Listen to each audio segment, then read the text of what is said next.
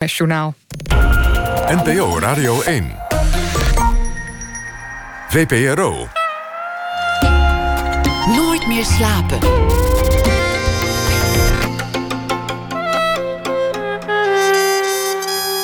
Met Pieter van der Wielen. Goedenacht en welkom bij Nooit meer slapen. De wielerwereld rilt nog na van het boek dat hij schreef over renner Thomas Dekker. De man die het allemaal opschreef, Thijs Zonneveld, bundelde nu andere beschouwingen over zijn liefde voor de wielersport, suikerspin en andere verhalen. En hij is te gast na ene. Dan ook aandacht voor Waiting for Giraffes. Dat is een eh, film over de dierentuin op de westelijke Jordaan-oever. En een verhaal bij de voorbije dag van Karen Amat Moukrim. Maar we beginnen komend uur met Lisa Verstman.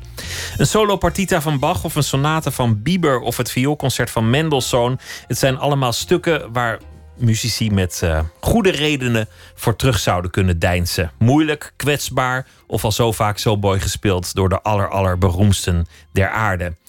Lisa Versman, geboren in 1979, is violiste en is niet iemand die het zichzelf graag makkelijk maakt. Ze heeft al die stukken gespeeld. Haar ouders kwamen uit Rusland een jaar voor haar geboorte in 1978. Zijn allebei uitmuntende muzici. Vader speelt cello, moeder piano. Versman groeide dus op met muziek. Zette als kind al de wekker om te kunnen oefenen. En nog meer te oefenen. Ging na school nog verder oefenen. S'avonds werd er nog wat geoefend. En dan voor het slapen gaan nog even oefenen. Kreeg ze ook nog les van de allerbeste op de viool, bijvoorbeeld Herman Krebbers. En dat werd uiteindelijk een prachtige carrière. Ze heeft gespeeld in heel veel landen op de wereld en heel veel beroemde stukken mogen opvoeren. Versman was ook altijd open over de onzekerheden en de worstelingen die met dat vak kwamen kijken. Komende periode treedt ze op met haar vader. Ze spelen Shostakovich.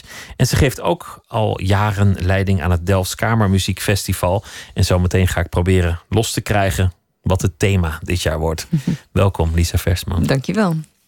Je zou spelen met, met beide ouders Mhm. komend uh, weekend. Het, het wordt alleen je vader. Is, is het anders om met je familie op het podium te staan? Zeker. Het is, uh, kijk, allereerst heel bijzonder. En uh, naarmate ik ouder en hopelijk ietsje wijzer word, kan ik het ook steeds meer waarderen. Eigenlijk hoe bijzonder het is. Dan kan ik er met iets meer afstand naar kijken. Maar het is tegelijkertijd ook uh, beren ingewikkeld. Want je. Uh, de puber in mij, die toch al lang begraven zou moeten zijn, die komt dan af en toe nog wel heel erg boven drijven. Dus um, ja, dat heeft wel zo zijn verschillende kanten. Maar het, het, is toch wel heel erg mooi. De puber die schopt tegen de ouders, maar het kind kijkt op tegen de ouders. Welke komt bovendrijven? De puber, zeg je? ja, de puber komt bovendrijven. Maar kijk, de overheersende gedachte ergens daaronder is natuurlijk inderdaad het, het, kind dat zijn ouders ook wel adoreert. Maar mijn ouders.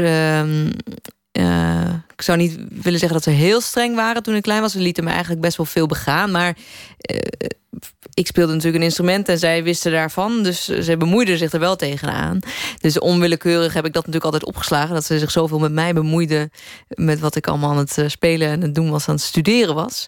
Dus dat, dat, dat zit er dan ook heel erg in. Dus ik bemoei me. Dan als wij repeteren, dan bemoei ik me ook met mijn ouders. Zeg maar. Dan ga ik hun ook vertellen wat ze anders of beter moeten doen. Als je met een andere cellist of een andere pianist zou spelen, zou je misschien heel neutraal kunnen zeggen: kan je proberen dat iets rustiger mm -hmm. te doen in die tweede maat? Of, of let erop dat je niet versnelt in dit stuk. Als je dat tegen je vader zegt, dan, dan, dan is dat meteen beladen. En, ja, ik zeg het ook stukken directer. Harder. Ja, en dan, en dan soms vind ik het zelf ook heel naar voor mezelf dat ik dat zo, zo doe. Maar het is tegelijkertijd ook een soort uh, tijdsbesparing. Dat je het gewoon direct zegt en dat het dan. Je spaart elkaar niet, je hebt nee. geen geheimen voor elkaar, dus je, je, je gooit het er gewoon uit. Ja, precies. Ja. En uh, soms zou dat wel ietsje liever mogen. En mijn vader is heel lief voor mij bijvoorbeeld. En dus, maar daar word ik. Buiten ook... de muziek is die heel lief voor je. Ja, maar ook de, tegenwoordig binnen de muziek. Dus, Tegenwoordig zeg je ja. hierbij.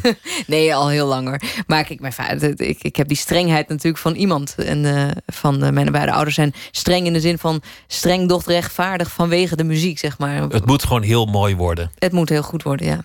Voor een kind is dat wel belangrijk, de goedkeuring van, van de ouders. Dat, mm -hmm. dat weet elke psych. Ik ben geen psych hoor, maak je geen zorgen. maar dat is natuurlijk waarvoor je afhankelijk bent voor, voor, voor eten en Mhm. bescherming mm -hmm. en, en, veiligheid. Als die ouders zich van je afkeren op jonge leeftijd, dan heb je een probleem op de savanne. Ja. Was, was die goedkeuring afhankelijk van de muziek? Um, ik denk dat het, het, het was natuurlijk onlosmakelijk met elkaar verbonden, ja. Maar mijn ouders die hebben zoveel liefde in zich sowieso. Uh, dat ze ook wel heel veel liefde konden geven buiten de muziek om. Maar het was gewoon zo verweven. Maar het mooie is dat ik heb ook een oudere zus. En die is niet verder gegaan in de muziek. Die is eh, rond haar veertiende gestopt daarmee.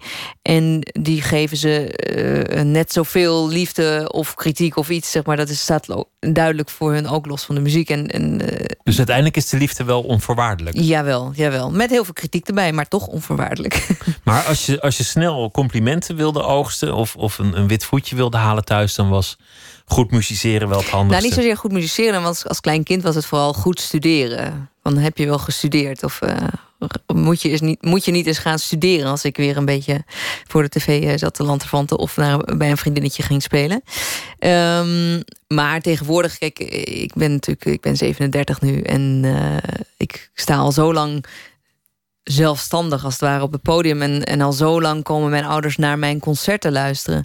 En het is voor mij heel bijzonder om, om te zien uh, uh, hoe ze dan mij complimenten kunnen geven na afloop. Dat, is, dat was inderdaad niet vanzelfsprekend toen ik jonger was. Want dan waren ze er vooral mee bezig hoe ze het beter konden krijgen voor mij. En tegenwoordig kunnen ze het gewoon ja, laten rusten en gewoon zeggen van dit was heel mooi. Dan kreeg je ook nog niet zomaar een vioolleraar, maar je kreeg echt de hele goede vioolleraren. Mhm. Die dus ook al streven naar een soort wit besneeuwde top. ja. Zitten al die stemmen nog in je hoofd als je speelt? Um, steeds minder. Steeds minder. En dat is een heel mooi proces, moet ik zeggen. Uh, wat, wat, uh, waarschijnlijk gaat dat in golven. Um, maar ik heb uitgerekend nu de laatste maanden, het laatste jaar, heel erg het gevoel dat ik uh, uh, steeds meer mijn eigen stem de overhand hoor voeren. Je weet het zelf nu wel. Ja, maar kijk, je weet het nooit helemaal zelf. Um, maar dat je steeds meer echt die eigen beslissingen kan maken. En als ik dit zeg, dan vind ik het eigenlijk al raar dat ik dat niet al hond, nou, tientallen jaren doe. Maar kennelijk is dat toch niet zo makkelijk of zo. Inderdaad, omdat je veel invloed hebt gehad. En ik was altijd al een, een opstandig kind wel. En ik, ik zei altijd, ik wil het zelf doen, ik wil het zelf doen. Uh, ook bij leraren, ik, nam nooit iets klakkeloos over. Maar het zit toch in je, want het, je hoort het wel. En uh, ja, dus die, die, de eigen stem wordt wel steeds helderder, laat ik het zo zeggen. Die corrigerende stemmen van, van mensen die hun stokpaardjes hadden... die verdwijnen naar de achtergrond. Ja, die zullen er altijd wel af en toe boven komen weer, of meer nuttig worden ingezet, laat ik het zo zeggen. Jouw ouders kwamen in 1978 uit Rusland. Dat was toen nog de Sovjet-Unie. Mm -hmm. Dat was in de tijd van uh, de muur en het ijzeren gordijn. Mm -hmm. Wat was eigenlijk het verhaal? Hoe, hoe, kwamen zij hier terecht? Hoe kwamen ze daar weg? Uh, we, we, hebben een Joodse achtergrond. En uh, in de jaren zeventig uh, werd er een, uh, een deal gesloten met Israël. en dan kregen alle Joodse inwoners de mogelijkheid om een uitreisvisum te krijgen. En dan moest je naar Israël gaan. Dus mijn vader heeft dat ook aangevraagd. Maar wetende eigenlijk naar Israël wilde hij niet. Um, hij concerteerde in de jaren zeventig. Hij speelde in een strijkkwartet. En toerde daarmee ook door Europa. En was ook in Nederland geweest. En had hier uh, kennis gemaakt met uh, veel muziekliefhebbers. Een beetje de infrastructuur ge gezien en gezien hoe goed het hier muzikaal ook was. En, uh, en er was iemand hem ook voorgegaan naar Nederland en die had gezegd: Kom, dat, laten we dat gaan doen. Uh, maar je kreeg die visa's heel um, uh, willekeurig. dus je vroeg aan en het kon dan zomaar een paar jaar duren voordat je dan. En dan, en dan moest je volgens mij binnen um, zoveel weken, bij wijze van spreken, moest je je koffers dan pakken en gaan. De Nederlandse ambassade speelde daar ook een, een merkwaardige rol in. Hè? Ja. Die, die, die gaven vaak visa om mensen uiteindelijk naar Israël door te laten gaan? Ja, de Nederlandse ambassade. En, en de, uh, in ons geval was het dus omdat uh, mijn ouders wisten... oké, okay, we willen eigenlijk naar Nederland. En je reisde altijd via Wenen. Dat was zeg maar, de tussenstop. Um, en er was één man uh, geweest uh, uh, die daar echt een hele cruciale rol in heeft gespeeld. Die eigenlijk alle partijen uh, volgens mij tot aan het Koninklijk Huis, bij wijze van spreken, uh, gelijk geschakeld kregen om de toestemming te krijgen om, om mijn ouders mee te nemen naar Nederland. Dat ze hier legaal uh, konden binnenkomen. En de Joodse Raad in Parijs, die moest daar toestemming voor verlenen en weet ik wat allemaal. Maar dat, dat, het gekke was dat mijn ouders pas toen ze officieel vierden dat ze 30 jaar in Nederland waren de echte toedracht hebben gehoord hoe het eigenlijk ging. Omdat, dat wisten ze zelf ook niet hebben. Zo schimmig was ja, dat. Ja, en, en uh, ze, het was zelfs zo dat ze dachten dat ze ondersteuning kregen vanuit de Joodse organisaties in Nederland financieel. En bleek dat dat helemaal niet het geval was geweest. Dat het allemaal deze ene man is geweest die dat uh, uit eigen zak eigenlijk heeft betaald. Uh, omdat sommige Joodse organisaties hier vonden van nee, die mensen moeten naar Israël. En die waren dus iets minder welkomend. En dat allemaal één jaar voor jouw geboorte. Ja. Dus eigenlijk vrij recente geschiedenis voor jou. Ja. Toen, toen groeide jij op in Nederland. Welke, welke taal spraken jullie thuis? Thuis altijd Russisch. Uh, dus totdat ik naar de peuterspeelzaal, zeg maar, kleuterklas ging, uh, was ik niet uh, heel vloeiend in het Nederlands. Maar dat ging al heel snel. op het moment dat je vriendjes en vriendinnetjes krijgt, dan kwam dat er heel gemakkelijk bij. En nu is Nederlands toch echt wel mijn eerste taal. En als je zo jong bent, dan absorbeer je taal ja, natuurlijk. daarom. Dus dat, en, dat wist, en ik ben mijn ouders ook heel erg dankbaar. Want ik ken, ik, ken, ook wat immigrantenkinderen, die, ook Russische kinderen... waarvan de ouders dachten van nou, nee, we moeten ze geen achterstand geven. laten we vooral Nederlands met ze praten met zo'n heel dik Russisch accent. Wat daar nou de voordelen van zijn, weet ik niet.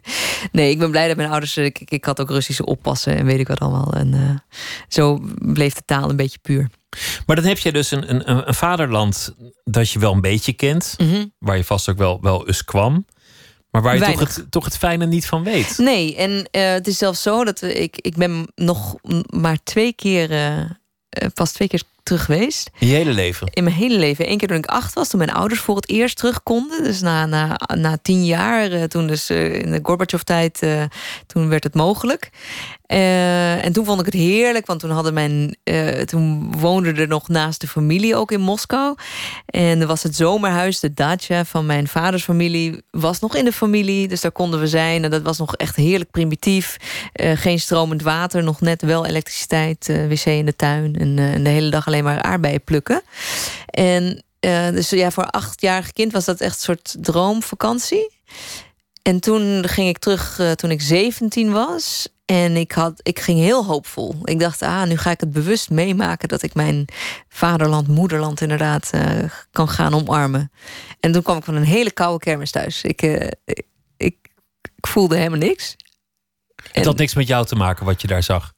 Ja, dat. En, en het was ook de ervaring. Kijk, het zal nu weer anders zijn. Ik, ik, heb eigenlijk al wel, ietsje langer wel, wel een verlangen. En vooral niet naar de stad. Want wat mij zo tegenviel op mijn zeventiende... was de eerste keer dat ik in zo'n miljoenenstad kwam. Ik was nog nooit in New York geweest. Ik was wel eens in Londen geweest. Maar ik, Moskou is gigantisch. Dat is zo groot als ne Nederland, zeg maar.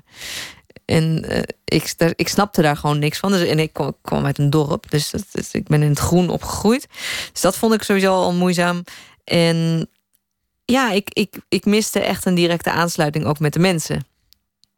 Uh, ondanks het feit dat er wel hele naaste vrienden... ook van mijn familie nog wel daar was. En, maar, en, en natuurlijk de taal geeft mij een soort verbondenheid... omdat het zo'n... Uh, een exclusieve taal is van familieband.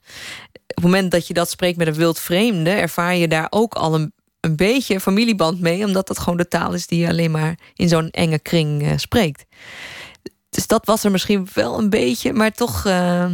Uh, nee, dus ik, ik, ik toch is uh, Nederland dan mijn thuisland. Jij ja, kan het niet maar, vaderland maar, noemen. Maar... Jou, jouw ouders waren wel al beroemde muzici in Rusland. Mm -hmm. Wat weet je over de kringen waarin zij verkeerden? Zaten zij daar in, in artistieke kringen van Zeker, ja. kunstenaars, ja. schrijvers, componisten? Ja. Nou ja, dus, uh, mijn ouders die hebben elkaar leren kennen op hun uh, twaalfde, dertiende ongeveer. Uh, op, um, je hebt één beroemde muziekschool in, in Rusland. Echt een, letterlijk een school. Dus waar uh, van, van de onderbouw tot en met bovenbouw... waar je dus gewoon schoolonderwijs krijgt en ondertussen muziekles. En alle getalenteerde kinderen... Eigenlijk alle muzici die je nu uit Rusland overal ter wereld altijd ziet... die hebben vast en zeker op deze school gezeten. Het is een redelijk exclusieve school, maar dan als je daar dus op zat... dan kwam je ook wel goed terecht. Dus dat betekende automatisch dat hun kring om hun heen ja, vol zat met mensen die nu nog uh, uh, ja, vol in het vak zitten. En uh, zeker mijn moeder, ik wil mijn vader niet tekort doen, maar zeker mijn moeder, die kwam uit een heel artistiek milieu. In de zin van heel erg opgegroeid met, met poëzie, met schilderkunst.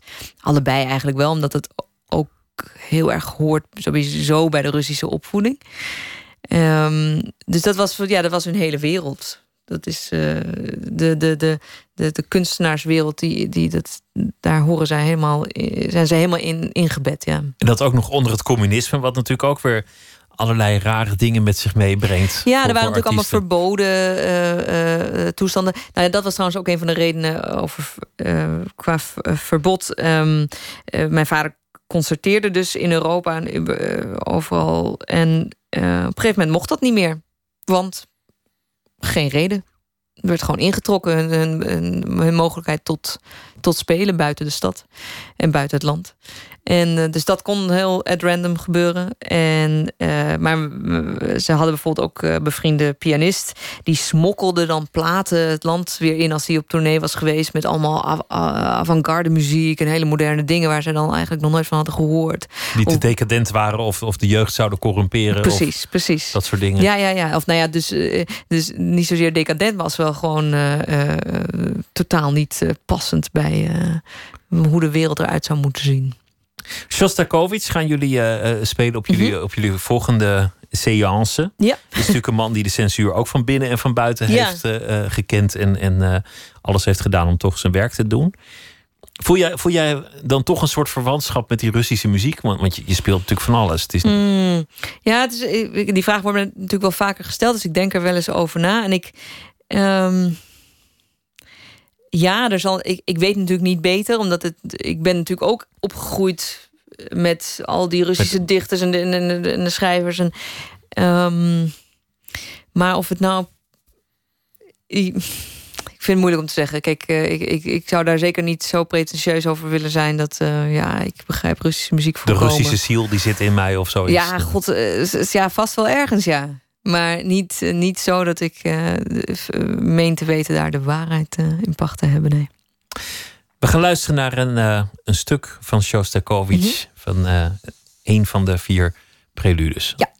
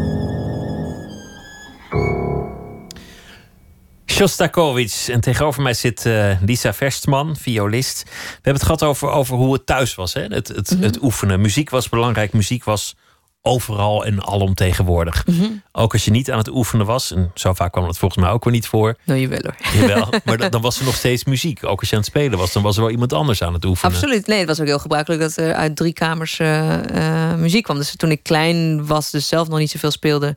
dan mijn zus ook nog en mijn moeder en, en mijn vader.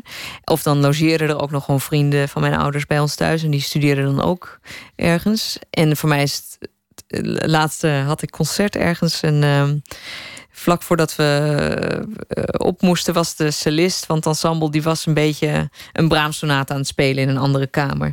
En voor mij is dat dan een cello-sonate dus. En voor mij is dat onmiddellijk ja, dat is muziek waarbij ik in slaap viel als mijn ouders dat repeteerden. Dus dat is een heel gekke.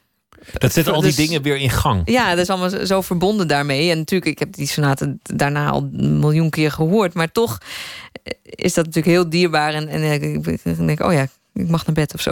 dat idee. Is, is er ooit een moment geweest dat je hebt overwogen iets anders te gaan doen in je jeugd? Uh, nooit heel serieus. Um, ja, er zijn wel wat momenten geweest, ietsje later, toen ik begin twintig was, dat ik even een beetje twijfelde van of het wel de goede richting voor mij was. Of, en tenminste, de vraag die ik me altijd heb gesteld, die voor mij altijd belangrijk was, van uh, ben ik wel goed genoeg in de zin van, ja, ik, God, er zijn er heel veel uh, muzici. Je moet wel wat te melden hebben. Je moet wel iets, je moet wel iets toe te voegen hebben. Iemand, iemand moet het wel willen horen ook. Want anders, wat sta je daar te doen?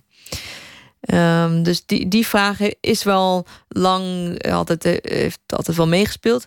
Maar heel serieus, ik bedoel, taalwetenschappen leek me theoretisch nog wel interessant. Sociologie. Maar dat zijn allemaal meer een beetje ideetjes. Maar ik heb nooit echt heel serieus gedacht. Uh, ik ga die stap zetten. Ik ga naar de universiteit. En waarom was, was je er zo zeker van dat, dat je dit wilde? Wat, wat was het, het verlangen dat daarachter zat? Ik denk. Um, in, het belangrijkste was liefde voor de muziek. Dat, dat, dat, dat is dan op een gegeven moment zo sterk dat je dan inderdaad zelf zo uh, vol kan raken van muziek. En, en, en dus een manier hebt om dat te uiten. En, en, en voor mij het grootste goed eigenlijk is, is dus inderdaad uh, die liefde niet per se dus voor jezelf te houden. Ik ervaar die liefde, liefde nog het grootst als ik hem kan delen. En dat vind ik mooi en fijn om dus dat, op het podium dus te doen. Als je taalwetenschapper en, en amateurvioliste was geweest, dan, dan had je het niet kunnen delen. Nee. En misschien ook niet je eigen niveau kunnen, kunnen vasthouden. Nee, dat, dat sowieso. Maar ik, ik kijk met heel veel bewondering en soms ook wel een soort lichte uh, jaloezie naar amateurmuzici uh, die dan in allemaal amateurorkesten spelen. En die dan daar zo vol van zijn en, en, en daar zo van genieten. En, en het klinkt dan misschien soms helemaal niet zo prachtig allemaal. Maar echt, die, die, die ja, die gaan daar helemaal stuk op. Zeg maar die vinden dat zo geweldig. En uh, ik weet nog, uh, ook ergens een jaar of tien geleden hadden we een vriendenclubje met wat professionele muzici en wat amateurmuzici. en die gewoon dan studeerden. En als we dan gingen eten samen, dan wilden zij het alleen maar hebben over muziek. En wij wilden het gewoon hebben over het leven en uh, gewoon, weet ik veel, politiek of iets anders in ieder geval. Want we hadden het al de hele dag over muziek. Maar zij wilden het alleen maar hebben over uh, die symfonie en dat kwartet en zo. En daar moesten we altijd wel heel erg om lachen. Het is ook een luxe dat je, dat je het daar niet meer over hoeft te hebben, omdat het al zo Misschien, alomtegenwoordig is. Waarschijnlijk, ja. Maar je zei ook, ik vroeg me af of ik wel goed genoeg was. Mm dat is een voorstelbare angst, omdat het, dat het bijna een soort wedstrijd is. Zeker als het gaat over, over solo viool. Ja. Het is misschien anders als je, als je paukenist bent in een symfonieorkest. Hoewel je daar ook nog enige druk zal hebben. Maar de solo viool, dat, dat, dat lijkt wel een Olympische sport. Ja, is het ook een beetje. En dat heb ik me. Eh, ja, dus heel af en toe komt het nog wel eens boven. Dat ik denk, jeetje, eh, waarom heb ik hier nou ook weer voor gekozen? Dat ik inderdaad dat ik het zo graag dan op zo'n hoog niveau wil doen. Want dan ben je ook altijd maar bezig om dat niveau vast te houden aan de ene kant. Want je, bent, je hebt natuurlijk gewoon je ambacht waar je mee bezig bent. Uh, en in het, ja, als je dus wil spelen, dan wil je ook graag spelen met, met goede orkesten en met goede dirigenten. Ja, dus dan moet je je, je carrière. Ik vind het altijd een beetje vies woord, zeker in, in de verhouding tot muziek.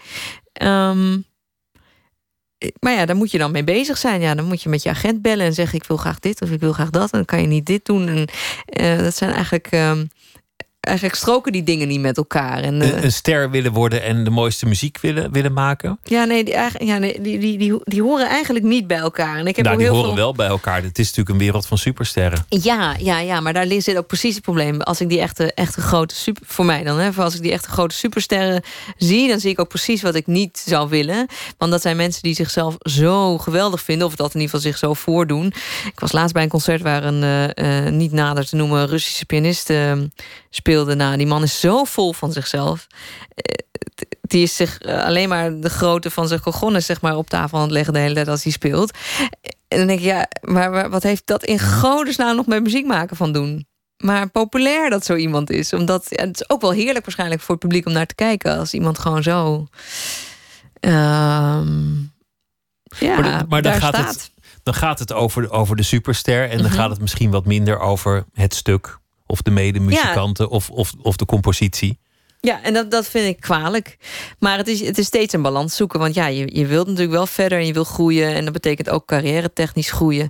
Ehm, ik zou wel als een soort eh, monnikje dus alleen maar mijn, mijn werkjes kunnen doen. Maar ik wil op het podium staan, dus ja. Maar toch, toch merk ik als je praat dat er wel druk op ligt. Mm. Waar komt die druk dan vandaan? Ja, dat is een goeie. Ehm, die zit natuurlijk wel van binnen. Want dat, dat idee wat ik had eh, toen ik... eh, toen ik 13 was, deed ik mijn eerste concours. En, eh, en toen waren er allemaal kinderen die net zo oud waren als ik. En die konden allemaal dingen beter. En dat vond ik moeilijk verteerbaar. En dus dat, dat competitieve zit zeker wel in mij.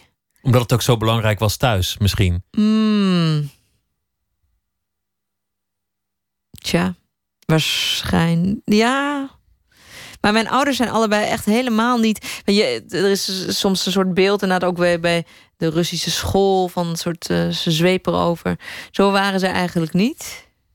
Uh, verre van. Ik heb ze zelfs soms wel eens kwalijk genomen dat ze me niet harder hebben laten studeren. Um, ja, nee, maar ik denk dat het, zit ook aard van het beestje, zeg maar. Dat het zit perfectionisme. Ook, ja, ik ben een maagd uh, van sterrenbeeld... en die schijnen heel vervelende perfectionisten te zijn. Dus ja, dat heb ik uh, meegekregen, ja. Dat is toch allemaal onzin? Ja, ach, ja. Astrologie. Waarschijnlijk. Maar die, die druk, dat is, dat is natuurlijk ook iets dat, dat, dat gevoed wordt... en dat door de hele klassieke muziek heen is komen zijpelen. Waarschijnlijk. Streven naar dat hogere niveau, nog Ja. mooiere muziek. Ja.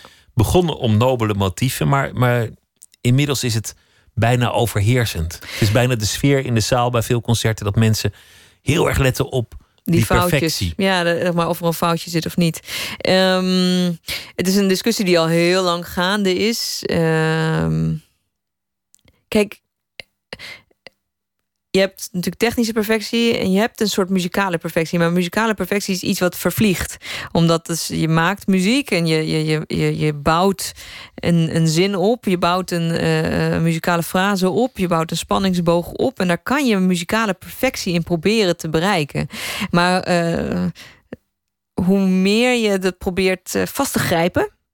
Een beroemde dirigent die had daar een soort mooie metafoor voor. Dat is een soort vogeltje, zeg maar, dat je in je hand probeert vast te houden. Maar als je te hard knijpt, ja, dan knijp je dat arme kleine eh, eh, meisje. Dan heb je dat, dat parkietje doodgeknepen. Ja, omdat je zo graag dat zo wil beschermen. Zo, en, en, en dat is. Maar dat, ik moet zeggen dat ik daar me nog wel schuldig aan maak hoor. Eh, aan dat soms. Dat doodknijpen van het arme parkietje. door dat gevoel van een muzikale perfectie te willen hebben op dat moment. En dat je dus heel erg probeert dingen te controleren. En soms is dat goed, maar je moet altijd leren loslaten. En eh, bij muziek is dat extreem belangrijk.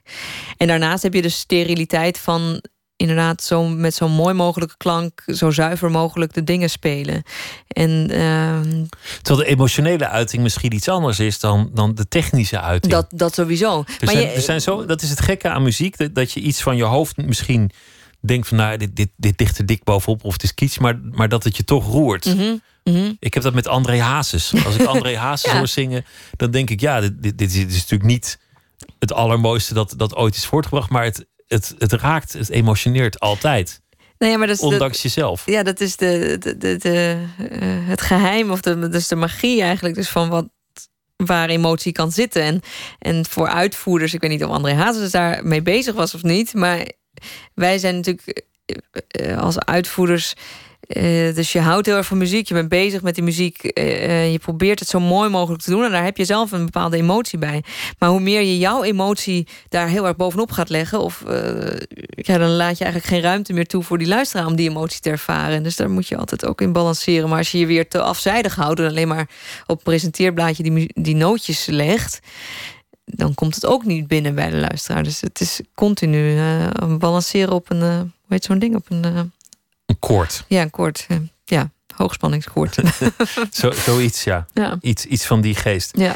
Je houdt ook heel erg van, van de muziek van Billie Holiday. Ja. En dat vind ik interessant in deze discussie, om, om, omdat daar, ja, daar, daar is eigenlijk, als zij zingt, is het, is het rauw en, en doorleefd. Ja. En, en, en toch heel veel uiting en ja, ook, ook technisch natuurlijk vast wel heel knap, maar daar, gaat het duidelijk niet om. Nee, nee, nee. En daarom hou ik altijd meer van haar dan van uh, Ella Fitzgerald bijvoorbeeld.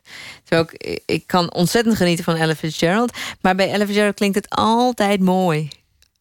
Eigenlijk. Het is, het is haar. Het is gewoon ook, wat, wat hoogstaander. Ja, het is haar stem ook gewoon. Dus haar type stem en uh, waarschijnlijk dus ook de techniek. Uh, en bij Billy schuurt het. En dat vind ik heel erg mooi. En ik vind dat, dat je dat altijd uh, moet blijven opzoeken in muziek, omdat muziek nooit uh, alleen maar een, een glanzende rand heeft. Dus dat zou ook typerend kunnen zijn voor jouw vioolspel. Dat je, dat je in die zin de Billie Holiday op de viool zou Ja, wil ik heel graag zijn. En dan, en dan hoor ik mezelf soms terug, denk ik... Jezus, ben ik, ben ik, ben ik toch weer aan het glad strijken. We gaan luisteren naar uh, Billie Holiday met uh, Strange Fruit.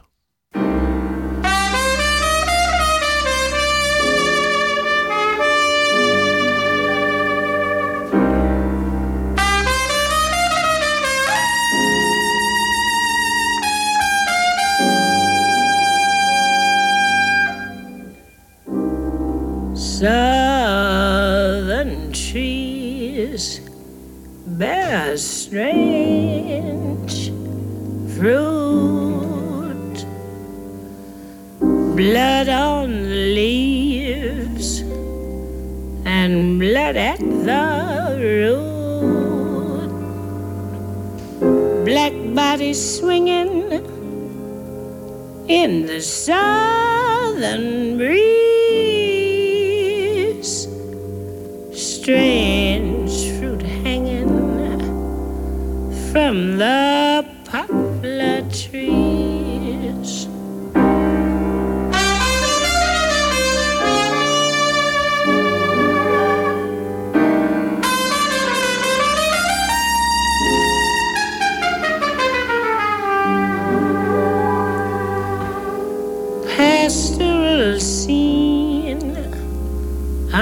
Gallant south,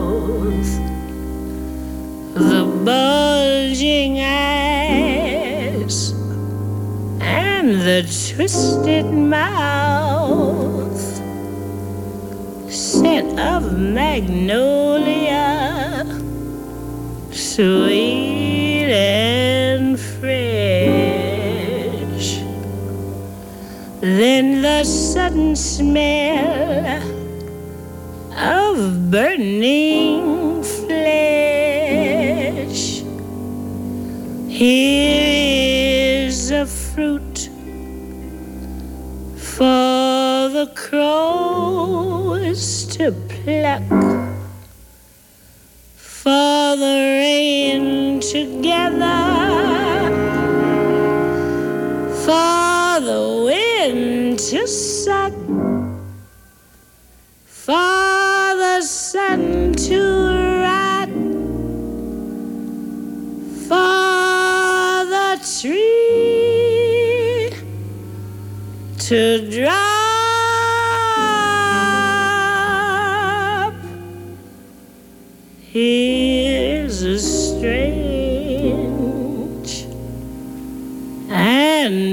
Billie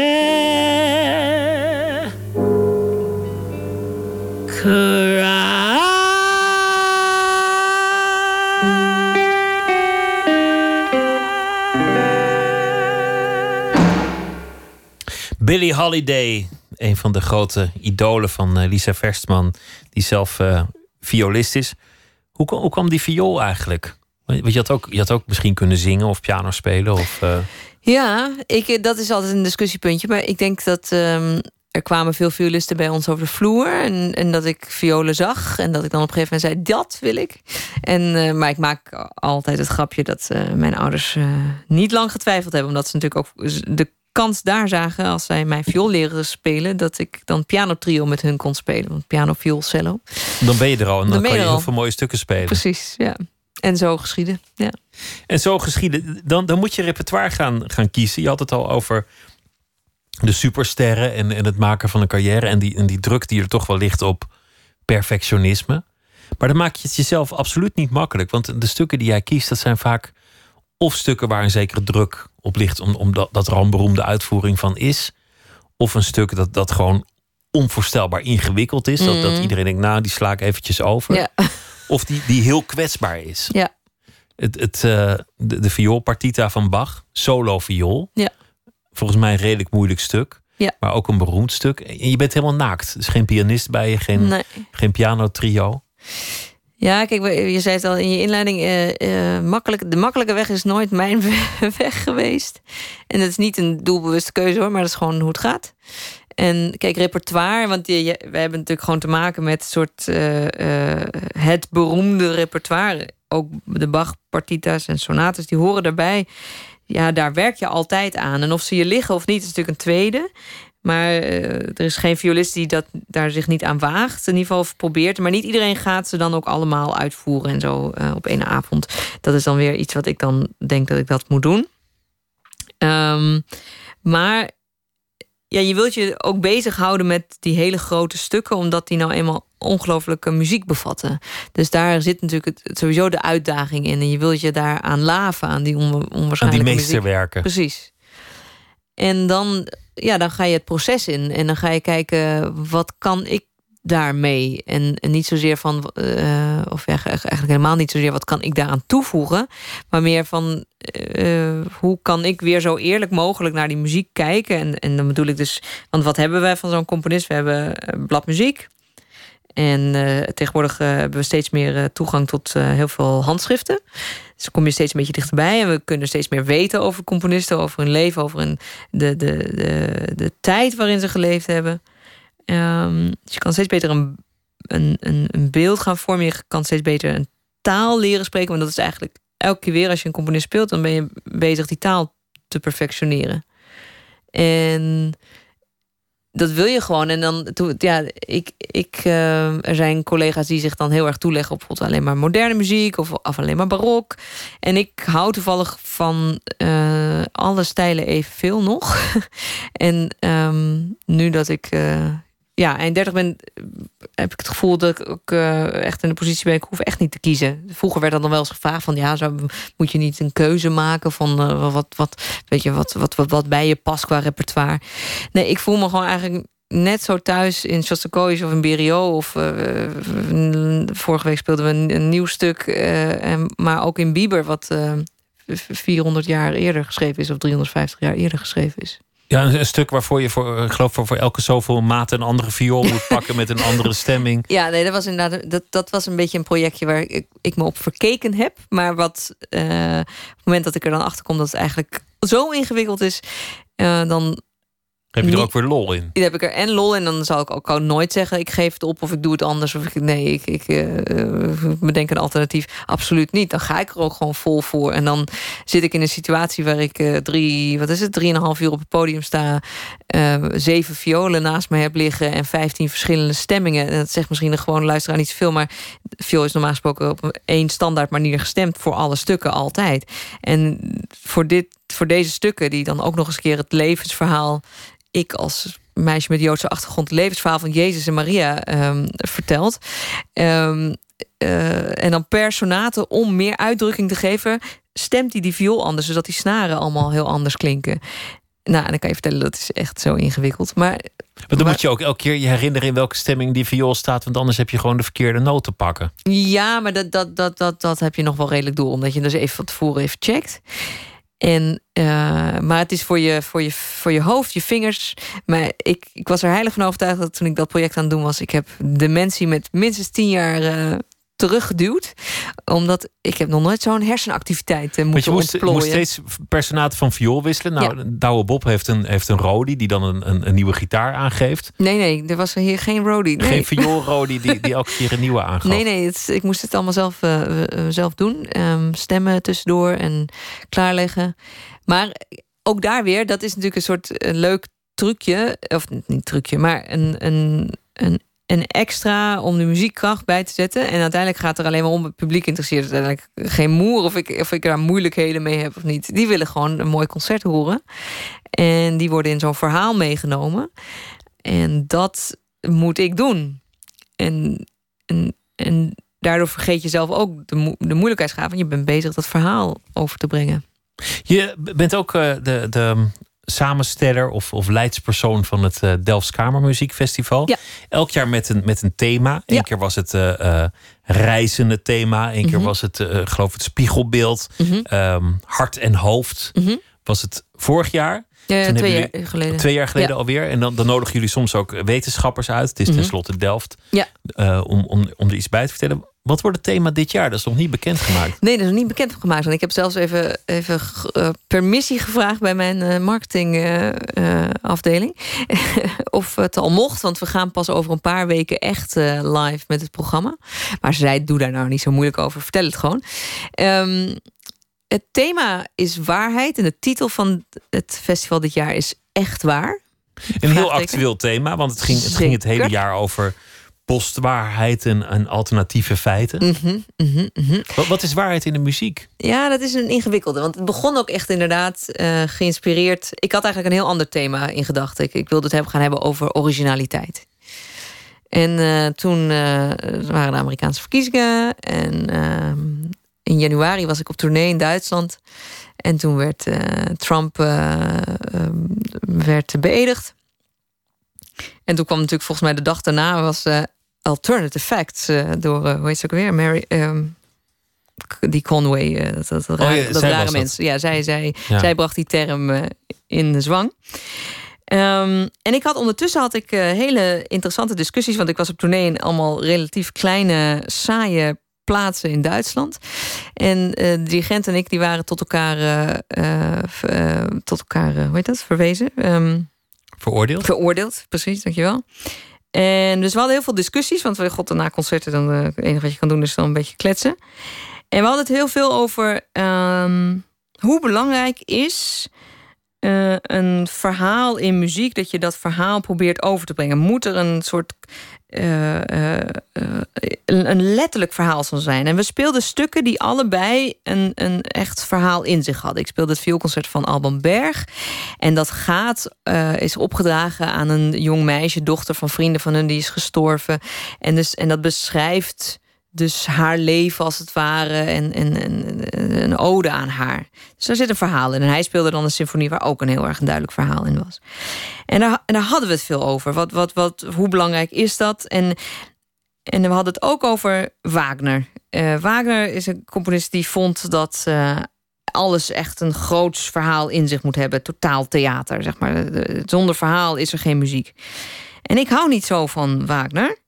En dus dat zei ik tegen hem. Ik zei, ik hou meer van absolute muziek. Wat is nou absolute muziek? En hij zei, ja, maar de absolute muziek... dat betekent dat het echt geen verhaal mag hebben... en geen, dus eigenlijk geen uitdrukking heeft. En zo zie ik dat helemaal niet. Maar dat opende wel een interessant luikje. Heeft muziek eigenlijk wel uitdrukking van zichzelf? Hmm, drukt muziek eigenlijk wel wat uit? Met tekst zou je wel kunnen zeggen, de, eh, ja, de blues, hè, drie akkoorden en de waarheid. Ja. Maar, maar in instrumentale muziek. Nou ja, en precies, dat was het punt. Instrumentale muziek. Wat, wat kan die nou uitdrukken? En toen ben ik gaan zoeken. Want oké, dan dus toen bedacht ik van oké, ik wil een beetje vanwege die hele Trump-toestand en überhaupt met dit soort vraagstukken dacht ik oké, ik moet van die originaliteit als thema af. Ik ga richting waarheid, begon het een beetje zo te kantelen. Maar hoe vertaal ik dat naar muziek echt? En ik kwam heel, allemaal hele interessante artikelen en boeken tegen. En dat was eigenlijk, er is een soort breekpunt geweest begin 1800, rond de tijd eigenlijk van Beethoven, dat men echt vanuit filosofisch perspectief waarheid ging toedichten aan muziek. Dat men ging zeggen, de, eh, en dat muziek dat ook in zich ging hebben. En dan wordt het voorbeeld van Beethovens vijfde symfonie genomen. Ta ta ta ta ta ta ta de, uh, de, uh, de Lot-symfonie, het, uh, het gruwelijke lot. Um, het lot klopt aan de deur. Het lot klopt aan de deur. Dat is natuurlijk allemaal verzonnen erbij. Maar wat, wat drukt die muziek eigenlijk nog meer uit? En uh, er was een, uh, een, schrijver, een filosoof, uh, um, Hofman, die een heel artikel over had gemaakt van ja, die muziek heeft ons laten horen dat er gestreven kan worden naar iets hogers in muziek. Dat er dus een hogere waarheid kan zijn. En die vertelt die muziek ons. Dat is natuurlijk op een bepaalde manier heel subjectief, maar de manier zoals, zoals ik bijvoorbeeld zelf ook heel erg van Beethoven hou en waarom ik die muziek zo waanzinnig vind, omdat het uh, iets heel aards kan hebben en tegelijkertijd naar iets heel hoogs kan reiken. En dat reiken naar dat hoge, dat dat is vaak zo moeilijk in woorden te vatten. En door dat artikel eh, las ik eigenlijk terug wat ik vaak voel bij die muziek. Dat er inderdaad is iets dat grijpen naar dat hogere, dat het er wel degelijk in zit. Maar als je het, als je het omdraait, dan, dan kom je er misschien ook wel uit. Namelijk, kan muziek liegen? En muziek kan wel degelijk liegen. Het kan, kan vals sentiment oproepen. Precies, ja. Het kan onoprecht zijn. Ja, ja, ja maar dat is ook een moeilijke. Het kan een trucje bevatten. Ja, en ik heb dus voor mijn... Uh, ik ga niet heel erg in op mijn verdere thema... omdat dat is nog... Uh, hoe, of tenminste, uh, hoe ik het uit heb gewerkt. Maar in mijn openingsconcert ga ik in ieder geval wel... die vijfde symfonie van Beethoven... in een kamermuziekversie doen. En daarnaast zet ik minimal music. Want ik ik ben zelf helemaal geen fan van minimal music. Ik vind dat een trucje.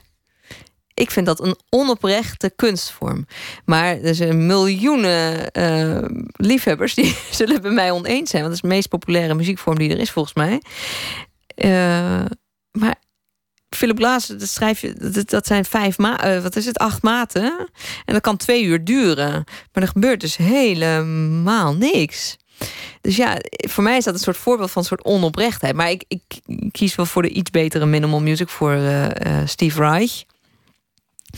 Maar dat, ik wilde dat wel eigenlijk naast elkaar zetten. Waarin inderdaad uh, met trucage er een waas voor de ogen van mensen wordt gecreëerd. Muziek kan je ook verraden. Dat, dat, je, dat, dat je een stemming voor jezelf blokkeert of, of iets mhm. beweert dat niet oprecht is, niet in overeenstemming met je ware gevoelens en dat muziekje dan erbij lapt. Ja, ja, ja want die, het komt natuurlijk op een heel ander niveau binnen muziek. Uh, uh, dat wat je niet helemaal kan controleren met je hoofd. Eigenlijk. En uh, ik heb het zelf wel eens ervaren dat ik bijvoorbeeld naar een hele mooie zangeres aan het luisteren was. En dan zong ze Bach. En ik, mijn hoofd vond dat ze het eigenlijk te romantisch zong. Maar mijn lichaam vertelde mij iets heel anders. Ik had kippenvel tot en met. En ik vond dat zo'n mooi contrast. En dus ja, je kan liegen tegen jezelf op die manier. Mendelssohn is een, een componist die voor jou altijd belangrijk is geweest. Ja, ook, ja, ook vanuit ja. je jeugd. En, Ja. en eh, je, hebt hem, je hebt hem al jong gespeeld en, en later gespeeld, Ja. et cetera. We gaan luisteren nu naar eh, een van de delen van het eh, octet. Ja.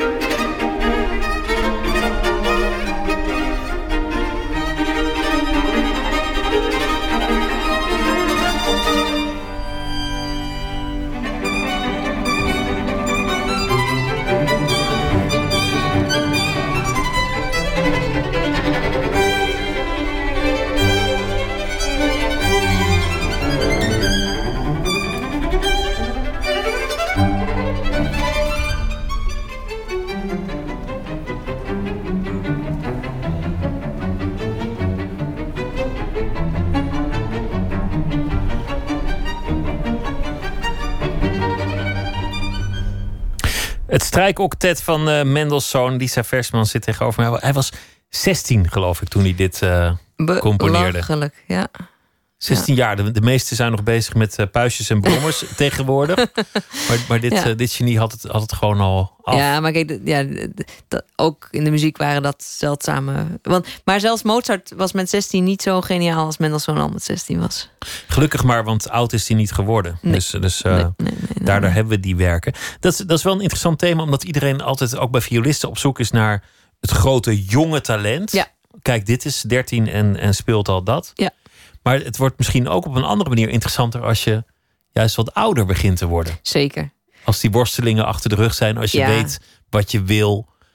Tuurlijk. Dus daar zit ook altijd een, een soort beetje discrepantie. Ik, ik kan me nog herinneren dat toen ik zelf een jaar of 19, 20 was, dat ik tegen een vriendin zei: Het is eigenlijk belachelijk.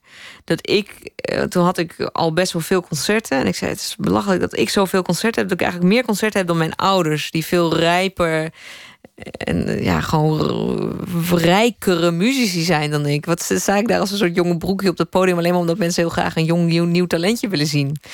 Ehm, maar ondertussen ben ik dus zelf eh, dan weer wat ouder geworden. Maar ik, kijk, ik vind het ook heel mooi. Er is bijvoorbeeld in Nederland een waanzinnig viooltalent nu. eh, Noah Wildschut. Meisje is 15. Maar die is al getekend bij, weet ik wel, Sony of Decca of eh, weet, ik waar. En bij een groot Engels management. Dus ik hoop echt eh, heel erg dat ze goed op haar passen. Ehm, en dat is ook natuurlijk geweldig. Maar zij zal nog veel beter zijn over 20, 30 jaar. Waarschijnlijk. Het interessante is dat je, dat je dan waarschijnlijk ook veel onzekerheden achter je hebt gelaten. Ja. Dat misschien de grote beloftes, de, de, de, de mensen die zeiden: we gaan jou de allergrootste maken, die zijn alweer gepasseerd. Mhm. Maar de dalen zijn ook alweer achter de rug. Dat je denkt: ik verkoop die viool en ik ga een kantoorbaan zoeken. Je, je komt waarschijnlijk ergens op een soort Ja. vrij stabiel punt, of ja, niet? maar stabiliteit is eigenlijk, vind ik, een gevaarlijk goed. Het Daar is hou je helemaal niet van. Mm, Niet heel erg. maar Ik, ik, ik, alles in mij zoekt het altijd wel heel erg op. Ik ben, ik ben mijn hele leven al bezig met hoe krijg ik een soort ritme en een soort normaliteit in mijn leven. Dat zal altijd wel blijven. Eh, altijd een worsteling, omdat ik natuurlijk heel veel mijn tijd ook zelf indeel. En hoe doe ik dat nou het beste? En hoe zorg ik nou dat ik eh, genoeg doe? En altijd het gevoel dat je niet genoeg hebt gedaan. Dat, dat hoort erbij. En tegelijkertijd weet ik ook dat dat hetgeen is wat mij drijvende eh, hoe zeg dat? Eh, drijft. Drijvende ook. Maar het drijft en, en eh, alert houdt en wakker houdt. Want op het moment dat er een soort tevredenheid in je sluipt, ga je dat ook in je muziek horen. Maar ik voel wel, en dat zie ik ook bij mijn leeftijdsgenoten omheen, er komt wel, tuurlijk, een soort een tikkeltje rust komt wel meer in het spel. eh, en dat is ook goed. Maar je moet dat, dat, dat, dat, dat vuurtje moet echt blijven branden. Je moet jezelf wel aanhouden en, Ja, en, en wakker ja. houden. En inderdaad, eh, omdat er een, een bepaalde vorm van onzekerheid is volgens mij alleen maar goed. Want als je zelf te, te zelf ingenomen wordt, dan eh, doe je mu- muziek vaak tekort. Want dan denk je dat je het allemaal al weet. En je weet het eigenlijk niet. Want de, de, de muziek is geschreven door mensen die het echt eh, stukken beter konden dan. Dan al die uitvoerders bij elkaar. Want dat is dus echt een veel grotere genialiteit als je gewoon muziek kan schrijven. Een beetje viool spelen, dat kunnen er wel meer. Maar als iemand heel erg probeert om, om, om het grote genie te zijn, om, om heel erg goed te zijn, dan staat het ook de waarneming in de weg. Dan hoor je niet meer wat de anderen doen. Nee. Dan let je niet meer op je medemuzikanten. Nee, nee, nee, dat kan ook echt niet. En eh, nou ja, wat, waar we het eerder over hadden. eh, Tuurlijk, je moet er wel staan met een bepaalde overtuiging. En jij wil dat verhaal vertellen. En dus daar, daar, daar, heb je natuurlijk een bepaalde soort eh, zelfverzekerheid wel degelijk bij nodig. Maar op het moment dat die overstaat in een soort arrogantie, dan gaat het mis.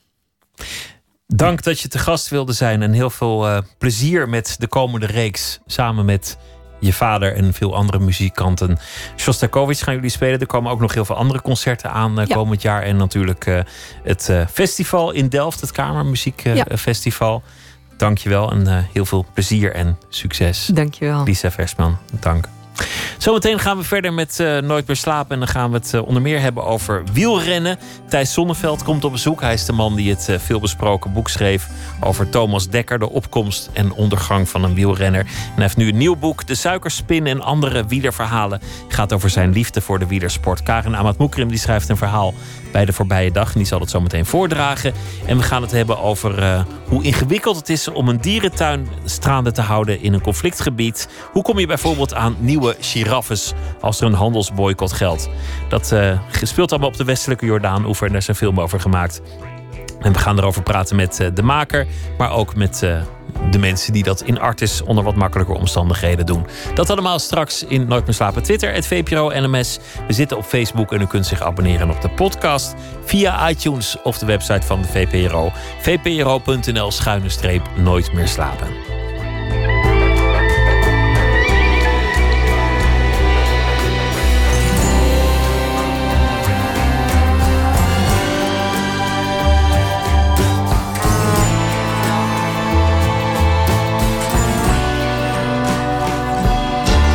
Op Radio 1. Het nieuws van alle kanten.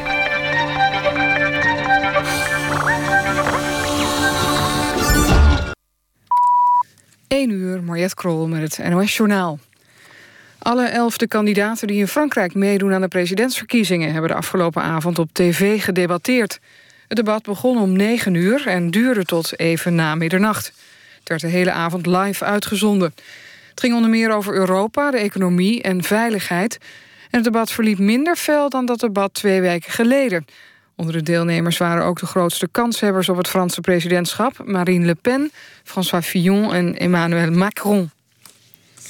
In Belgrado zijn voor de tweede avond op rij duizenden Serviërs de straat op gegaan.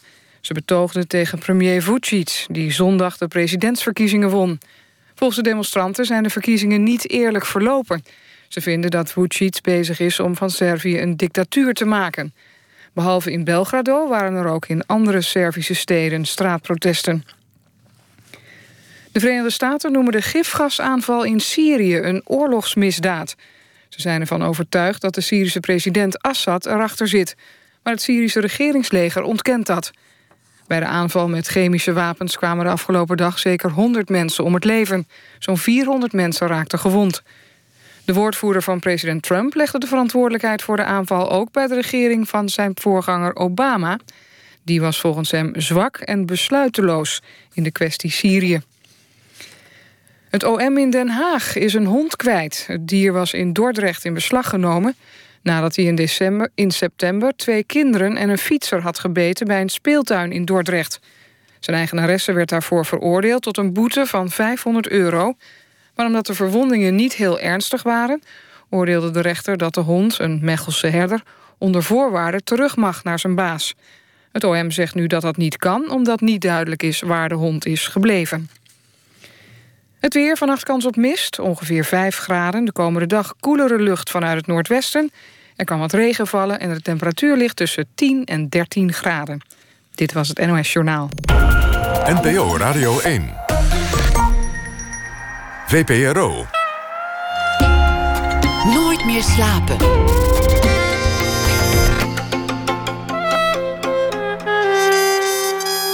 Met Pieter van der Wielen. Het is al ingewikkeld om een dierentuin te runnen, maar probeer het eens op de westelijke Jordaan-oever en probeer dan eens nieuwe giraffes te bestellen. Er is een eh, film over gemaakt en zometeen een gesprek met de maker Marco de Stefanis. Thijs Zonneveld, oud-wielrenner en schrijver, komt langs om te praten over zijn boek De Suikerspin en andere wielerverhalen. En Karin Amatmoekrim die leest een verhaal bij de voorbije dag. Nu het culturele nieuws. Filmmaker Roman Polanski kan nog steeds niet naar de Verenigde Staten reizen zonder het risico te lopen te worden gearresteerd. De rechter verwierp een verzoek van Polanski om het wel mogelijk te maken. Polanski wordt ervan verdacht dat hij in 1977 een 13-jarig meisje seksueel zou hebben misbruikt. Vlak voordat de rechter hem destijds kon veroordelen, vertrok hij naar Frankrijk.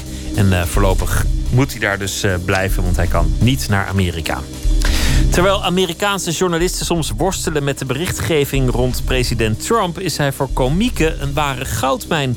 De kijkcijfers van satirische programma's zijn flink gestegen sinds de inauguratie van Trump. En eind april komt er een hele nieuwe show bij op Comedy Central, The President Show. En daarbij zal een bekende Trump-imitator Anthony Atamunjik wekelijks een talkshow houden vanuit de Oval Office. De Duitse kinderboekenschrijver en illustrator Wolf Elbroeg heeft de Astrid Lindgren Oeuvreprijs gewonnen. De belangrijkste internationale prijs in de jeugdliteratuur. Elbroeg is vooral bekend als illustrator van het boek over een kleine mol die wil weten wie er op zijn kop heeft gepoept.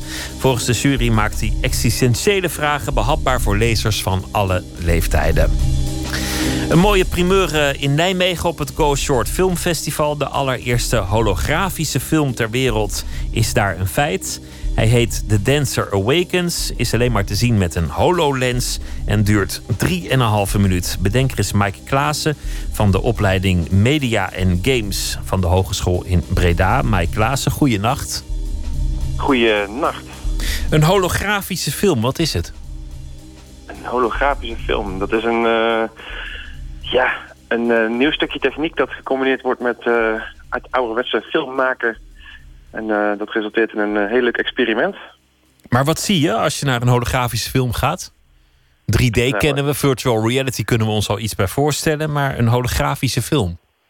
Ja, wij hebben een film gemaakt speciaal voor iets wat de HoloLens heet van Microsoft. Een, een bril die je zelf draagt en die eigenlijk een laagje toevoegt aan de, aan de werkelijkheid. Dus wat je om je heen ziet. Dus je kijkt gewoon door glazen heen en er wordt iets toegevoegd. Iets in de vorm van 3D-modellen of uh, ja, objecten, zeg maar even. En wij hebben dus een film gemaakt, eigenlijk bestaande uit een, een danseres die we hebben vastgelegd met, met een speciaal pak, dat heet motion capture. En daar hebben we wat objecten aan toegevoegd. en het, speelt zich een verhaal af op een, ja, op een tafel die je dan voor je hebt staan. Dat is onze, onze film eigenlijk.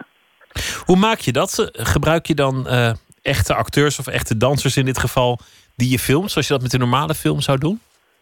Ja, dus je zou ervoor kunnen kiezen om uh, volledig uh, uh, ja, personen eigenlijk in 3D na te, te bouwen en te animeren. Maar we hebben vanwege de tijdsdruk gekozen voor um, een, een motion capture. Dus een persoon die we dan zo'n pak aandoen, die we hebben een, een, een choreografie laten dansen.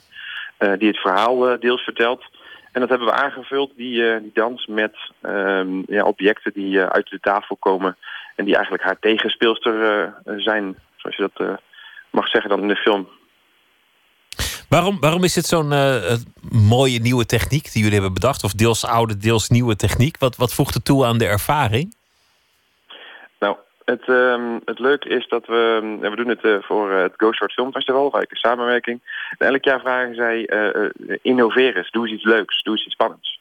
En vier jaar geleden was dat virtual reality. En, eh, of eigenlijk films voor head-mount displays, zo'n zo'n bril op je hoofd. En dat elk, elk jaar evolueert dat. En is dat een beetje technologisch gedreven. Dus wat is er beschikbaar? Nieuwe techniek? Of kunnen we iets, iets nieuws aanpassen aan hoe film wordt gemaakt? Nou, en ehm, het spannende aan dit is dat het, het nieuw is, nog nooit gedaan is. En dat we dus ja, technieken combineren. En daarom maakt, dat, eh, daarom maakt het zo, eh, zo uniek. Drieënhalve minuut vooralsnog. Zou je een hele speelfilm hiermee kunnen maken? Of is dat gewoon te veel werk? Nou, los van dat het heel veel werk zou zijn, is het heel lastig, denk ik, om ehm, eh, een film zou om je heen kunnen spelen in die zin. Wij hebben ervoor gekozen om het op een tafel te laten afspelen. Ehm, en je moet je aandacht erbij houden. En de vraag is, hoe kun je als filmmaker ervoor zorgen dat de kijker eh, precies dat volgt wat jij wil zien? In traditionele film doet een regisseur dat. Die regisseert dan netjes een beeldje en die laat mensen dingen zeggen op het juiste moment. En laat dingen eh, bijvoorbeeld exploderen, voorbij rijden, doe het maar op. En nu moet je het allemaal eh, op een plek laten plaatsvinden en maar hopen dat mensen kunnen zien wat jij bedoelt als filmmaker. En dat wordt misschien wel moeilijk in een anderhalf uur durend spektakel. Exact. The Dancer Awakens, te zien op het Go Short Film Festival te Nijmegen. Heel spannend, heel veel succes. Mike Klaassen, dankjewel. Graag gedaan. Nooit meer slapen. Veel bekendheid eh, geniet het niet, maar er is een dierentuin op de Westbank in de Palestijnse gebieden bij Israël, ten oosten van Tel Aviv. Met zicht op de muur die Israël en de Palestijnse gebieden scheidt, ligt de kleine Kalkilia Zoo. Het is nog niet makkelijk om in Palestijns gebied een dierentuin eh, staande te houden. De Nederlands-Italiaanse filmer Marco de Stefanis maakte daar een documentaire over. Verslaggever Botte Jellema sprak met hem af in een dierentuin. Film opent met de voortvarende voetstappen van Dr. Sami door de straten van de Palestijnse stad Kakilia. Dierenarts van middelbare leeftijd, vermoeid gezicht, maar vastberaden. Hij sjouwt met een doos. Dan komen Palestijnse mensen in beeld. Ze vertellen wat er volgens hen met de giraffes van de dierentuin is gebeurd. Het gebeurde tijdens de intifada. Kogels en gas die toen gebruikt werden. En dat in een dierentuin. We weten niet hoe de giraf is vermoord. Mijn zus vertelde me dat de Joden hem hebben neergeschoten. De Joden hebben hem gemummificeerd. Ze hebben de hoofden eraf gesneden en in het museum gezet. Hij is verdronken. Ze hebben hem verdronken. Hij heeft een mens opgegeten. Er zijn zoveel verhalen over. Het enige wat we weten is dat hij dood is. Dr. Sami arriveert bij de ingang van Kakilia Park Zoo. Uit de doos in zijn armen steekt ineens een jong hertje zijn kop naar buiten. Ik probeer me voor te stellen dat een medewerker van Artis door de straten van Amsterdam loopt met zo'n doos. Met daarin een jong hertje. Dingen gaan een beetje anders in de Palestijnse gebieden. Dr. Sami vertelt bij een kooi met makaken dat hij ze zelf thuis heeft opgevoed. Bezoekers kunnen heel dicht bij de dieren komen en hier en daar hun hand ook in de kooien steken. Dr. Sami doet dat ook.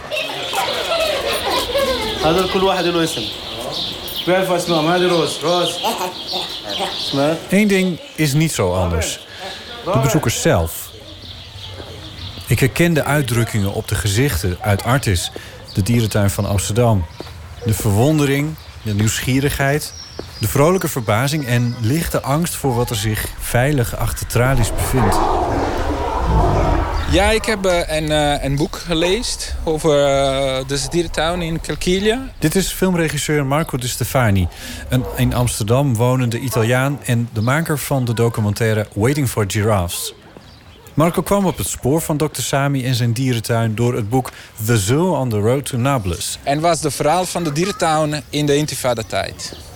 En was heel eh, eh, ja, bijzonder eh, verhaal over deze mannen, es- expres Dr. Sami, die waren heel bezig met dieren in een situatie als de intifada. Het waren ze curfews, mensen kunnen niet eh, buiten gaan, maar je moet zorgen voor de dieren Ja. dezelfde tijd. Nadat Marco het boek had gelezen, kocht hij een nieuwe camera en reisde tamelijk onwetend af naar deze onbekende dierentuin op de Westbank.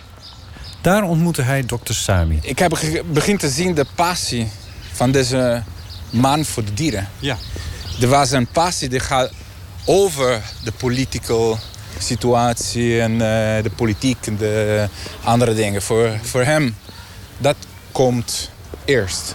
Dat was een, eh, een droom eh, dat hij heeft sinds heel veel jaren. Ja. Te laten zien de, de wereld, Calquilia, dierentuin. Maar hoe doe je dat? When I start at zoo, we try to, to make it uh, as modern uh, zoo. Om zijn droom te realiseren, zo zegt dokter Sami, moet zijn dierentuin moderniseren. Hij wil toetreden tot de EAZA, de European Association of Zoos and Aquaria. In all the world, zoos changed.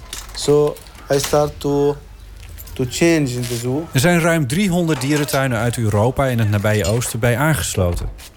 Het hoofdkwartier van de EAZA zit in Nederland, in Amsterdam. In Artis, om precies te zijn. Good morning, this is Sofika speaking. Yeah, it's me, Nidal Jaloud. I'm the Public and International Relations Officer at Kalkilia Municipality in Palestine. Hello, good morning, how are you? Uh, so far, so good. Ga er maar aan staan. Een dierentuin in de complexe omgeving van de Westbank laten voldoen aan Europese standaarden. Ik ben met Marco in dat Amsterdamse Artis, een binnenstedelijke dierentuin, net als die van Calquilia. Calquilia hebben hetzelfde probleem. Zo voor mij was het heel, heel interessant. Deze soort van, eh, van eh, keuze dat jij moet maken. In Artis is de roofdierengalerij gesloopt en samen met een stuk van het parkeerterrein vormt dat straks de ruimte voor een groter verblijf voor de olifanten. De bouwwerkzaamheden zijn in volle gang. In Calquilia heeft de dierentuin ook meer ruimte nodig voor grotere verblijven, zodat ze aan de EAZA-standaarden voldoen en misschien op termijn een giraf terug kunnen krijgen. Er is een optie om het naastgelegen stadion te verplaatsen. Maar waar bouw je het nieuwe stadion dan? Het probleem met de, met de stadion... Ja, ik kan niet een, een nieuwe gebouwen dicht bij de muur. Nee. Omdat de Israëlische authority wil niet. Nee, hoe dichter je bij de muur komt, hoe meer Israël erover wil te hebben te zeggen. Ja, ja, een voetbalwedstrijd brengt heel veel jonge mannen en dingen. Zo, voor se- security reason, eh, Israël wil niet. Nee. Er komt veel op het bordje van dokter Sami. I have to do everything by myself. Wat mankeert er aan die dierentuin als je er binnen stapt? Je, je zit hier Artis nu om Ja. je heen. Wat, wat zag je daar wat je hier niet ziet of andersom? Zij hebben heel veel problemen. Ze hebben een probleem met eh, medewerkers.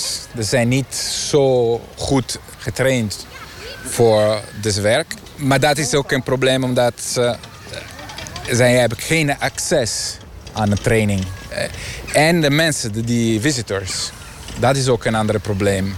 Zo, jij kan hebben niet dingen als die hier, een eh broeg over de water en dingen, omdat Palestijnse jongen begint te springen in de water, Springen in het lopen water? naar de giraffe Oh, daar en, en Het publiek zo. gedraagt zich gewoon heel Ja, jij moet, ja, het is een heel lange proces ook over eh, educatie. Ja?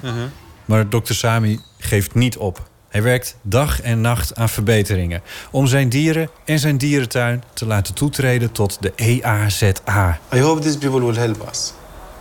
If they accept us, I think we will uh, change to better.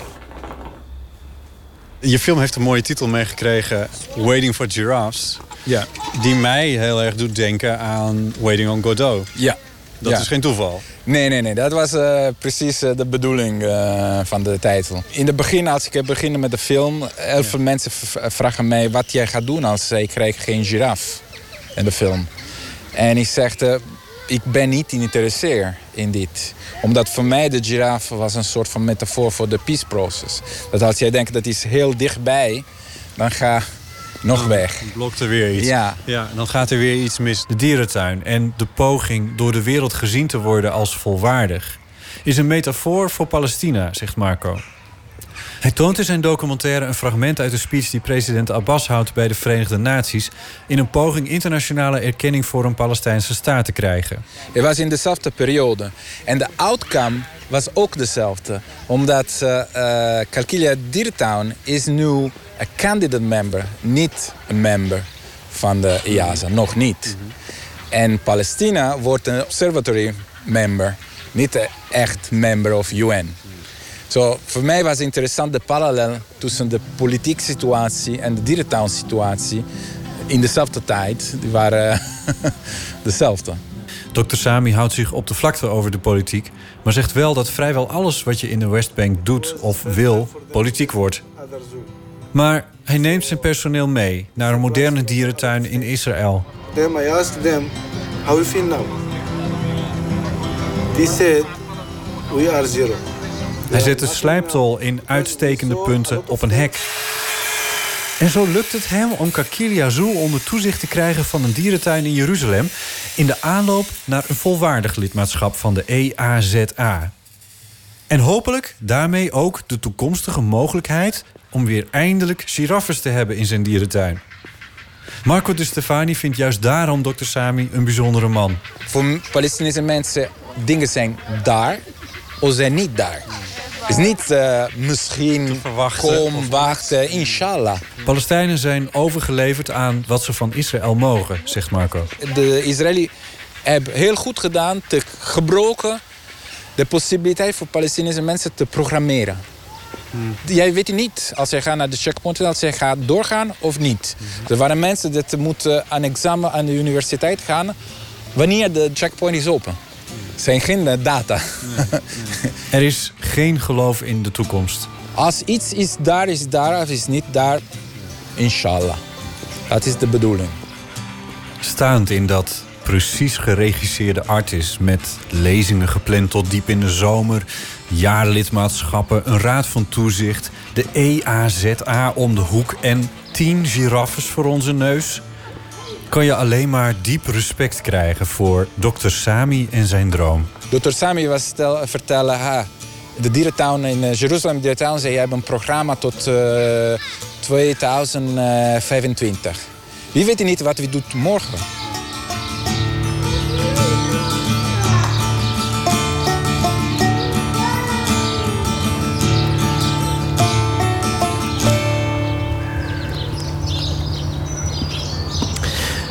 Botte Jellema in gesprek met Marco de Stefanis, regisseur van de film Waiting for Giraffes. En uh, die is vanaf morgen te zien in filmhuizen door het hele land. Amber Kaufman, een singer-songwriter uit Los Angeles, bezingt de ochtendelijke nachtmerrie van velen: No Coffee.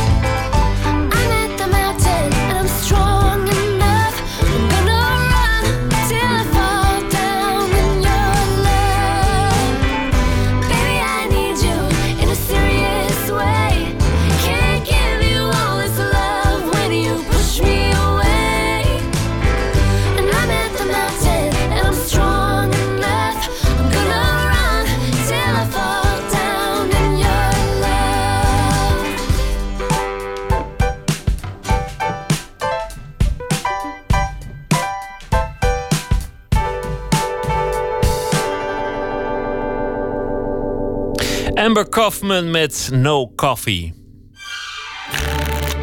Open kaart. Hier staat hij, de vermaledijde bak met kaarten. 150 vragen over werk en leven. Thijs Zonneveld zit tegenover mij. Ex-wielrenner, schrijver, journalist, tv-commentator... en uh, boven alles ook wielerfanaat. Hij uh, schreef een boek dat uh, veel stof deed opwaaien over Thomas Dekker, die in 2009 werd geschorst voor dopinggebruik. Veel uh, mensen in de wielersport zitten nog bij te komen van dat boek.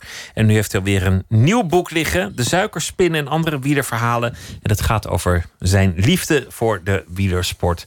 Thijs, hartelijk welkom. Met een, met een mitella om en een gebroken sleutelbeen. Ja, klassiekertje voor een wielerfanaat uh, is het natuurlijk een soort klassieker. Dat je de, en ook gebeurt met fietsen. Ja, ja, ja. Ik ging een wedstrijdje rijden. En uh, ja, een beetje een ongelukkige samenloop van omstandigheden. Maar ja. Wedstrijd, achter, wedstrijd afgemaakt? Nee, nee, het gebeurde echt uh, 20 meter voor de finish. En ik wist al meteen dat ik mijn sleutelbeen had gebroken. En dus het was ook geen zin meer om nog verder te gaan? Nee, het was ook, ook als het een grote wedstrijd is en je moet de volgende dag weer verder. Dan grabbel je misschien weer je fiets bij elkaar. En dan ga je eerst nog finishen en dan zie je het daarna wel. Maar het was gewoon een klein wedstrijdje. En, uh, het was een beetje, uh, ja, achteraf uh, vervloek je jezelf dat je zo'n wedstrijd gaat rijden. Maar ja, dit soort dingen kun je nooit superveel doen op zich. Het deed mij denken aan het verhaal van Thomas Dekker in jouw boek, vrij in het begin van het boek, dat hij, dat hij um, meerdere tanden verliest tijdens een wedstrijd, omdat hij, dat hij op zijn plaat gaat en ja, vervolgens toch die, die tocht afrijdt ja. zonder tanden. Ja, het wordt wel een beetje jezelf, het wordt wel een beetje aangeleerd natuurlijk in het wielrennen dat je altijd uh, overdreven hard voor jezelf moet zijn. Dat je eerst maar moet zorgen dat je... Eerste finish, dan eerst, kijken. Eerst je fiets, dan uh, weer op je fiets gaan zitten, dan verder fietsen. En dan ga je maar weer kijken, uh, als je eenmaal op de fiets zit, uh, hoe het is. Ja, weet je, het wordt ook wel echt... Het is ook wel slecht hoor, soms. Het gaat natuurlijk wel heel ver. Weet je. Er zijn ook renners die met, echt met levensgevaarlijke verwondingen weer op de fiets kruipen. Omdat ze een soort... een soort oerinstinct hebben om te overleven. En dan maar uh, zo snel mogelijk weer terug proberen te keren in het peloton. Wat als een razende trein maar voortdendert. Maar um, ja, je wordt wel zo opgevoed. Ja. Waar voetballers uh, gaan liggen, wordt geleerd om te gaan liggen. En om te kermen en te roepen om de scheidsrechter. Wordt wielrenners geleerd om je fiets te pakken en niet te zeuren. Er vallen ook doden bij het wielrennen. Uh, ja. Meer dan in de autosport. Meer dan met stierenvechten. Meer dan met, uh, met, met bobsleeën. Ja. Het, het, is, het is een gevaarlijke sport. Wat is het, die, die wielergekte? Het is de meest rauwe sport die we kennen. Het is ook de meest gecorrumpeerde sport die we kennen. Ja, dat laatste weet ik niet. Het kan. Nou ja, één van de. de het ligt wel allemaal op straat in ieder geval, ja. Misschien moeten maar wel één van de, ja. de tegels van het voetbal nog wat verder gelicht Mm. worden. En dan blijkt, het, blijkt dat, anders ook, ja. te, te zitten. Dus dat, dat houden we in het midden. Maar, maar wat is het toch, dat fanatisme bij het, bij het wielrennen? Want, want eigenlijk gaat het allemaal over hetzelfde. Alles, maar dan ook echt alles doen om als eerste over die streep te komen. Al doe je het zonder ledematen en met 10 kilo doping. Ja, dat is wel wat natuurlijk heel veel mensen aantrekt. Hè? Het rauwe en het heroïsche eraan. Ehm, maar wat volgens mij eh, heel veel mensen erin aantrekt... is dat wielrennen ook tegelijkertijd een sport is van hoop. Er zijn heel weinig sporten waarbij je eh, een van de, de slechtste spelers in het veld kunt zijn. Of een van de, dus een van de slechtste wielrenners van het peloton. Maar toch kunt winnen door een bepaalde tactiek te hanteren. En door geluk te hebben dat anderen naar elkaar zitten te kijken.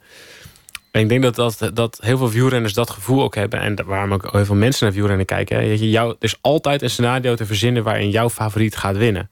Ook al is hij uit vorm, ook al is hij op zijn plaat gegaan en ligt die, eh, hangt hij van eh, bandages aan elkaar. Ook al is het eh, zeer onwaarschijnlijk, het kan altijd. En, en dat beetje is volgens mij een ontzettend belangrijk facet in het wielrennen. En dat komt gewoon voor een heel groot deel puur omdat je met wielrennen gewoon heel veel te maken hebt met. met eh, als je achter iemand rijdt, heb je gewoon ontzettend voordeel van eh, de, de, de werking van de zuiging. Dus het is eigenlijk een oude natuurkundewet die, die aan de basis daarvan ligt. Als een hele goede wielrenner eh, eh, 50 kilometer lang een minder goede wielrenner in zijn wiel heeft en ze gaan daarna sprinten, dan is het, kan die slechte wielrenner zomaar winnen. En dat is natuurlijk bijna geen enkele andere sport is dat zo. Als twee hardlopers gaan hardlopen en één is heel goed en één is heel slecht, dan wint die hele goede altijd. En het wielrennen is dat dus niet altijd gezegd. En ik denk dat dat met voetbal heb je dat ook wel een beetje. Dat dus de mindere partij kan ook winnen. Ehm, met een beetje mazzel en een goede corner en de juiste tactiek. Ehm, en volgens mij zijn dat sporten die. Daarom, volgens mij, eh, appelleren ze ook aan zo'n groot publiek. Omdat heel veel mensen er eh, iets van hoop in zien. Ehm, en dat is toch uiteindelijk voor een groot deel waardoor we naar sport kijken. Omdat we gewoon geraakt willen worden. Het is ook altijd een mentale overwinning. Ik bedoel, zolang iemand Ja. er nog in gelooft, kan die winnen. En als hij de moed laat zakken, dan heeft hij ook meteen loodzware benen. Ja, het is een hele mentale sport, ja. Je, je vergelijkt het ook met een suikerspin. En, en om heel veel facetten. Namelijk de, de, de mate van verleiding, de mate van fantasie. De onwerkelijkheid ervan. Maar toch ook het bedrog dat er altijd in zit. Ja, Is maar ja. Ja, weet je, ja, heel veel. Volgens mij moeten we een beetje af van het idee dat sporters allemaal soort helden zijn die, eh, die niet menselijke dingen doen. Zo zie ik sporters helemaal niet. En wielrenners helemaal niet. Ik zie wielrenners en sporters gewoon als, als normale mensen die één ding iets heel erg goed kunnen. En het ergens heel ver mee geschopt hebben. Maar die niet andere eh, verleiding hebben of andere eh, zwakke kanten dan wij allemaal, dan de rest van de maatschappij. En waarom als bankiers fraude- frauderen en hoogleraren frauderen en politici liegen, waarom zouden sporters dat dan niet doen? Dus ik vind dat zo'n. Ze worden altijd op zo'n raar. eh, Misschien is dat de hoop, omdat in, in zoveel velden van de samenleving het niet eerlijk is. Ja, dat, dat iedereen kan. gelijke kansen heeft. Dat is natuurlijk niet zo. Dat iedereen een gelijke start heeft. Dat de is. regels duidelijk zijn. Dat is natuurlijk in heel veel. allemaal niet zo, nee. Is, is eigenlijk nergens zo. En in de sport dachten we dat het nog zo was. Nou, hier wint de beste en we beginnen allemaal gelijk. En er is een scheidsrechter. En dan blijkt het daar ook al niet zo te zijn. Ja, maar ja, dat, dat is inderdaad dat is fascinerend. Ja, waarom veel mensen dat willen, waarom veel mensen dat denken. Ja, waarom sport wel eerlijk, waarom het wel allemaal helemaal volgens alle regeltjes zou gaan. Dat gaat niet zo, want wij, wij mensen zitten zo niet in elkaar. Wij hebben echt toezicht nodig en controle en ehm, ja, eh, eh, afschrikwekkende werking misschien wel van straf om ons aan de regels te houden. Er bestaat niet zoiets als, zeker niet in grote groepen, als een sociale controle of zo. Daar geloof ik echt totaal niet in. En hoe groter de beloning, hoe groter de verleiding. En hoe wel, slechter ja. de controle, hoe makkelijker. Dat boek over Thomas Dekker was fascinerend. De opkomst en ondergang van een wielrenner. Een heel openhartig verhaal. Heel veel mensen waren gechoqueerd omdat ze bij naam en toenaam werden genoemd. Het gaf ook een inkijk in de wielerwereld. Sommige dingen kon je vermoeden. Dat ze elkaar tegenkomen op de gang bij een, bij een dopingarts. Andere dingen, de, de aftrekscène met een hier is je handdoekje. We gaan eerst even rukken. Dat, dat vond ik opmerkelijk. De hoeren vond ik opmerkelijk. Maar vooral het, het enorme gezuip, zelfs voor een wedstrijd. Dat, dat naast die tour er ook nog eens even flink geslemd wordt. Ja. Wat heeft jou verbaasd bij dat boek? Want, want Nou, jij hebt het allemaal opgeschreven, wel. aangehoord. Waar zat jouw verbazing? Nou, we- vooral in, in dat laatste deel. Ja, dat je zo los kunt gaan. Weet je, ik ben ook wielrenner geweest op een, een veel eh, klein of een veel lager niveau dan Thomas. Dat was, ja, Thomas, heeft, Thomas Dekker heeft zoveel talent. En die heeft het in zijn korte carrière dat hij, eh, dat hij echt, nou, op, nou, dat hij echt aan het opkomen was, was hij ja, bizar goed eigenlijk. Als je, zeker als je er achter- achteraf op terugkijkt. En zover heb ik het nooit geschopt. Maar ik ben wel zover geweest dat ik er alles voor deed eh, qua ja, ik leef er echt voor als een, als een monnik. En het moet ook bijna met wielrennen, bijna op elk niveau. Als je het een beetje serieus begint te doen, dan moet dat bijna.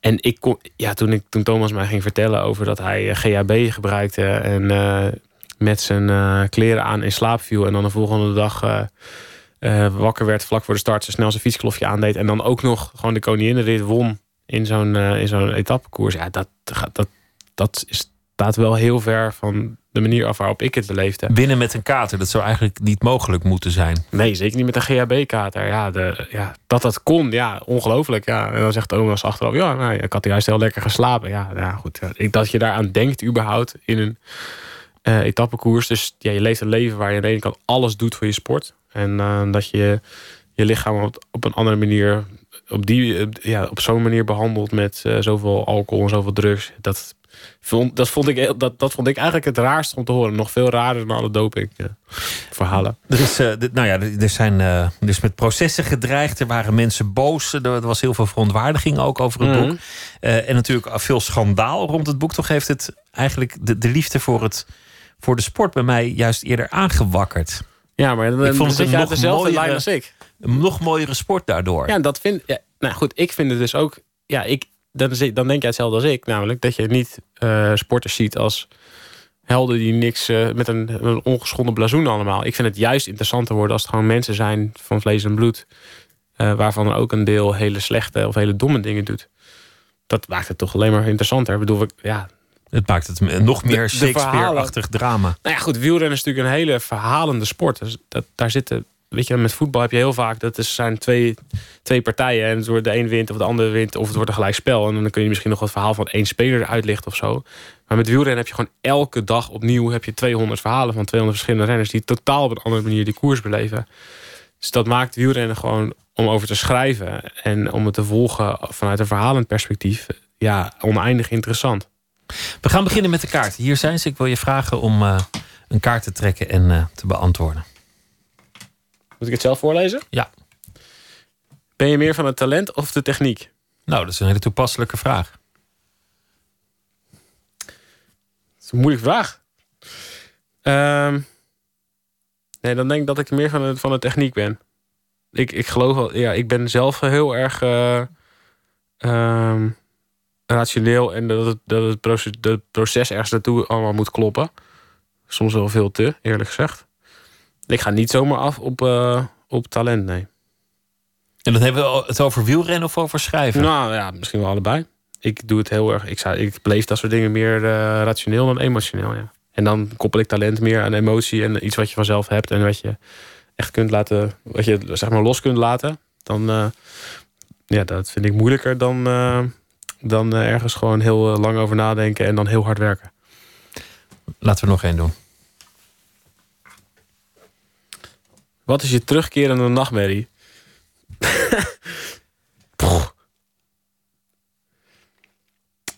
Vallen in een ravijn als wielrenner misschien? Nou, dat doe je, dat, daar, daar droom je wel veel over. Nee, ja, weet je, ik, wat ik nog steeds droom, heel vaak. En ik, ja, ik koers echt wel. Ja, ik heb de afgelopen jaar behoorlijk wat wedstrijdjes gereden, maar dat was echt niet meer zo serieus. Maar ik droom heel vaak dat ik dingen ben vergeten bij de start. Dus dat je, dat je zeg maar, het de laatste half uur voor de start van de wedstrijd is heel zenuwachtig. En dan moet je alles nog regelen. Of niet van, ja, heb je het gevoel van dit moet ik doen, dat moet ik doen. En ik droom nog steeds heel vaak dat het peloton zonder mij vertrekt, omdat ik mijn schoenen ben vergeten eh, of zoiets. En ik heb het ook wel eens meegemaakt in het echt. En dat voelde toen ook echt als een droom. Toen was ik mijn shirt vergeten in de kleedkamer. Dus ik, trok mijn jackie uit. En ik, zag ineens dat ik mijn, shirt waar mijn rugnummers er zo op zaten was vergeten. Dus toen moest ik terug naar de kleedkamer. En toen kwam ik terug en toen reed het peloton in mijn richting. En ik verwachtte echt dat ik mijzelf daarin zou zien. In dat peloton. Dat ik echt een droom zag voor mijn voorbijtrekker, zeg maar. Wat ik natuurlijk niet zag, maar goed. Ik moet altijd denken aan die beelden. Het was, was volgens mij ergens in de jaren tachtig in, in België. Van, van een, een, wieler die helemaal voor lag en dan bij een rotonde de verkeerde afslag nam. dat is ook wel echt nachtmerrie, ja. ja. Ja, volgens mij ga je in je nachtmerries... Ik heb niet van die... Dat is, dit is best wel een oppervlakkige angst, volgens mij. Nou, dat je de start mist van een wielerwedstrijd... is natuurlijk niet echt onwijs eng of zo. Ja. Keer toch nog wel terug. Laten we er nog één doen.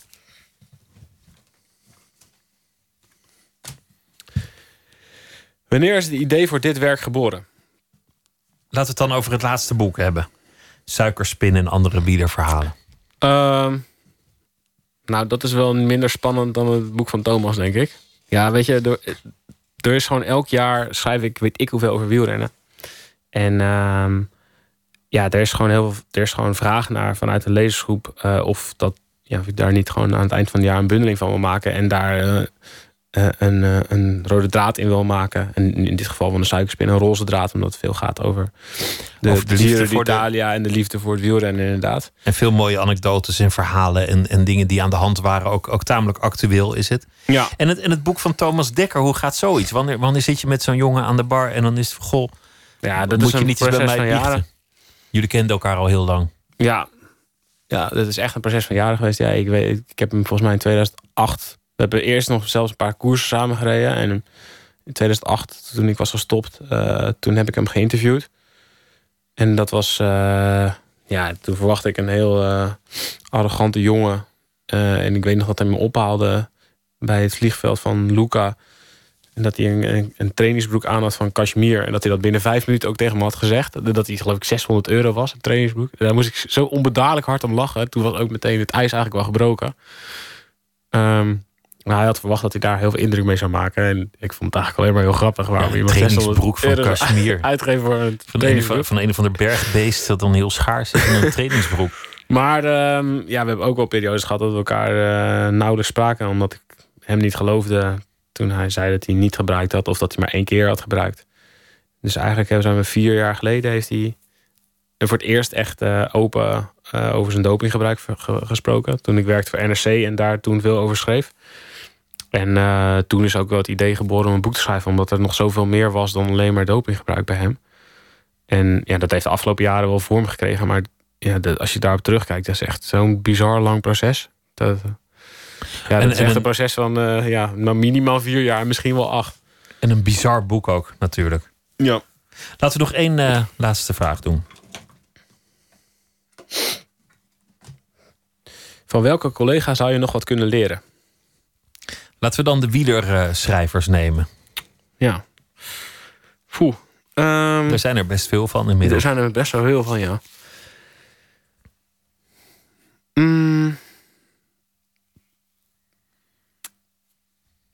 Weet je, er zijn een paar, zeker een paar jongere, jongere gasten nu. Dus iemand als Frank Heijnen bijvoorbeeld, die, eh, daar, daar geniet ik heel erg van, van zijn manier van schrijven. En het is echt een beetje een jongere generatie die nu ook aan het opkomen is. Ehm, die schrijft ook eh, bijvoorbeeld de, de, de, de, de slotscène van eh, Studio Voetbal, die over een oud voetballer gaat, doet hij, vind ik altijd erg mooi. Die heeft een taalgebruik waar, ja, daar kan je echt, eh, daar kun je ontzettend veel van leren volgens mij. Maar ehm, ik denk dat ik nog wel liever eh, zou leren om eh, van, van een oud collega, misschien wel een Belgische oud collega, of een collega, Hans van der Wegen, die ehm, schrijft voor de morgen. En die schrijft altijd, die schrijft, heeft zoveel ervaring, heeft zoveel meegemaakt.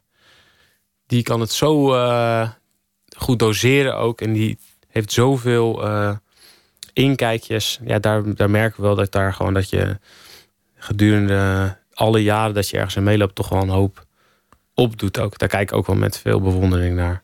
Daar merk je wel dat, dat, dat ja, ik, ik, zo lang ben ik gewoon nog niet journalist dat je zoveel inkijkjes kunt hebben. Het is wel mooi dat er zoveel moois over eh, de wielersport wordt geschreven. Zeker. Deze jaren. Thijs Zonneveld, dank je wel. Leuk dat je langs wilde komen. De Suikerspin en andere wielerverhalen heet het boek. Dank je wel. Succes. We gaan luisteren naar eh, Slow Dive met Sugar for the Pill.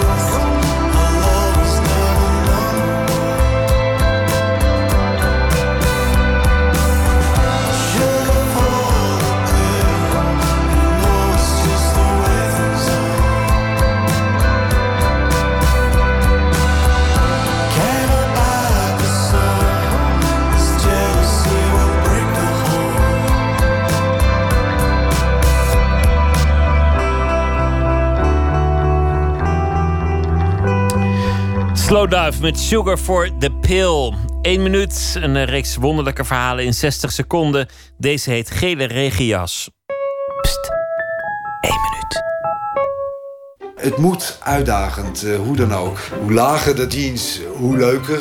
Dan hangt het net uh, een beetje te hangen op je schaambeen. Nou, ik weet van mensen dat ze mijn billen altijd heel erg mooi vinden. Nou, dat denk ik ook van, ja, dan moet je ook uh, je, je beste assets laten zien natuurlijk. Ik heb altijd wel even moeite van... oké, dan moet ik zo op de fiets en heel de Jordaan door... Uh, de, de dam over... voordat dat je dan bijvoorbeeld een keertje in de kokring terechtkomt.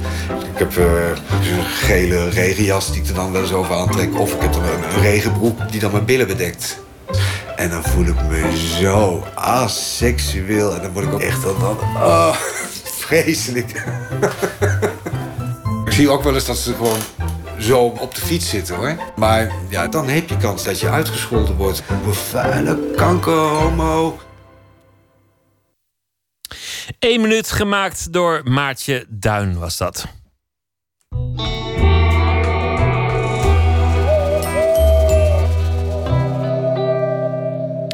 Karin Abad-Moekrim is eh, schrijver. Deze week zal ze elke nacht een verhaal voor ons maken bij de dag die achter ons ligt. Haar laatste boek heet Tenzij de Vader. Een persoonlijk verhaal over uh, haar vader in Suriname. Komt ook een documentaire over uh, dat onderwerp te zien 11 mei in het Uur van de Wolf. Karin, goeienacht. Goeienacht, Pieter. Vertel, wat, uh, wat was het voor dag? het was een mooie dag, heel zonnig. Ik zag veel mensen op de fiets veel uh, leuke, lieve, verliefde stelletjes. En het was een dag waar ik veel las over uh, homohaat. En ik weer eens besefte dat, het, dat er een grote verantwoordelijkheid ligt bij de meerderheid, de heteroseksuele meerderheid van onze samenleving. Dus daar heb ik een stukje over geschreven. Ik ben benieuwd. Ga je gang. Twee jonge mannen werden bruut mishandeld omdat ze hand in hand over straat liepen. Haatmisdaden voelen barbaarser, afschuwelijker, omdat ze verre van willekeurig zijn. Iemand wordt gehaat niet omdat hij iets zei of deed, niet omdat hij iets bezit dat de dader van hem wil afnemen, om geen enkele van de denkbare aanleidingen voor geweld, dan om de onontvreemdbare eigenschap dat hij is wie hij is. Het emotionele betoog van fotograaf Erwin Olaf gisteravond op televisie raakte mij. Net als de gretigheid van de media om impliciet de ander, de exoot, aan te wijzen als dader. Terwijl homohaat zo sterk opgenomen is in onze eigen, zogenaamd puur Nederlandse cultuur, dat we het vaak niet eens in de gaten hebben. Niet als je hetero bent, tenminste. En je het privilege hebt om het langs je heen te laten gaan. Want wie erover nadenkt, die ziet het overal. De kennissen die, wanneer ze hun bewondering voor iemand van hetzelfde geslacht uiten, snel de hashtag NoHomo aan hun bericht toevoegen. Het woord mietje als gestandaardiseerd scheldwoord voor een man die zich niet als een echte man gedraagt, wat dat ook mogen zijn. De mensen die gaan giecheloos erachter komen dat iemand in hun omgeving homoseksueel is. Ik moest denken aan mijn eigen ongemak vorig jaar... toen mijn vader voor de draaiende camera's van een programmamaker... reflecteerde op de fouten die hij had gemaakt in zijn leven. Ja, hij was vreemd gegaan, was niet altijd een goede vader geweest... maar hij was tenminste geen homo, zei hij. Dus zo erg was het ook weer niet. Het stuk dat Erwin Olaf gisteravond voorlas op televisie kwam uit een oude column van Joep van het Hek. Er stond dat Van het Hek zich wel kon voorstellen dat mensen niet naar tongende homo's wilden kijken. Het was niet de complete tekst natuurlijk, maar Van het Hek kan onmogelijk volhouden dat de reactie op publieke affectie voor alle geaardheden hetzelfde is. Iets dat hij suggereerde in de rest van zijn column. Wie erop let, helemaal op een zonnige lentedag als vandaag, zal al snel merken dat de terloopse uitingen van affectie, het strelen, het knijpen in een hand, de vluchtige kus op een opgeheven gezicht, heel normaal zijn onder verliefde heteroseksuele stellen. Hoe vaak ziet u dat homo's doen in het openbaar? Te weinig, zou ik zeggen. Veel en veel te weinig. En allemaal vanwege de onredelijke haat van de heteroseksuele meerderheid tegen een geaardheid waarmee zij zich niet kunnen identificeren. Ik weet hoe het is om aangesproken te worden op huidskleur of etniciteit. Dat maakt me boos, vaak ook verdrietig. Maar het lijkt me verschrikkelijk om te voelen, te weten zelfs, dat niets anders zo'n werktuigelijke walging in de mensen oproept als jouw affectie en de genegenheid die, voelt, die je voelt voor je partner. Homohaat is een bijzondere vorm van kwaad, omdat het de liefde zelf aanvalt. Karen, dank je wel. Het begon allemaal met uh, uh, wat er was gebeurd in Arnhem. De twee jongens die in elkaar waren geslagen. Ja. Gisteren was de advocaat van de, de verdachten op televisie. Die kwam met een heel andere lezing van het, van het verhaal. Ja. En dat is eigenlijk het rare, hè? want dan, dan, is een of andere knokpartij waar niemand bij was de aanleiding om, om ons met z'n allen te verontwaardigen. Terwijl die verontwaardiging zit natuurlijk dieper dan wat de ware toedracht is van de, van de vechtpartij. Ja. Maar, Maar als je, als je het los, los ziet van dit, dit ene, dit, deze ene gebeurtenis... Er, ge- er worden ongelooflijk veel eh, homoseksuele stellen in elkaar geslagen... of, of worden lastiggevallen of uitgescholden. Dus er, er zit een enorme rot in, ons, in onze cultuur... de manier waarop wij überhaupt over homoseksualiteit nadenken. dus het maakt, het maakt niet uit wat daar feitelijk is gebeurd. Nee, nee, dat denk ik niet. Eh, nee. nee.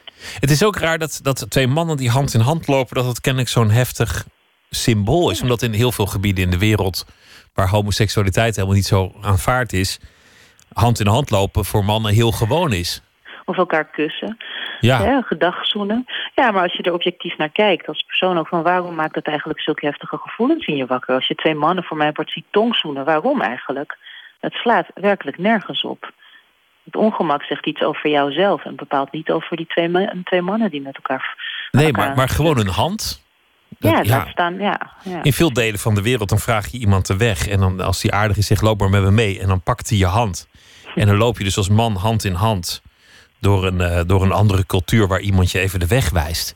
En als Westeling voel, voel ik dan ook dat ongemak. Heel raar. ja. Ja, ja. Nou ja, dat soort dingen. Dus een, eh, een mooi verhaal, dankjewel Karin. En een, eh, en een goede nacht. Tot morgen. Tot morgen. Goed, we gaan even denken hoor. We gaan luisteren naar His Golden Messenger met He Wrote the Book.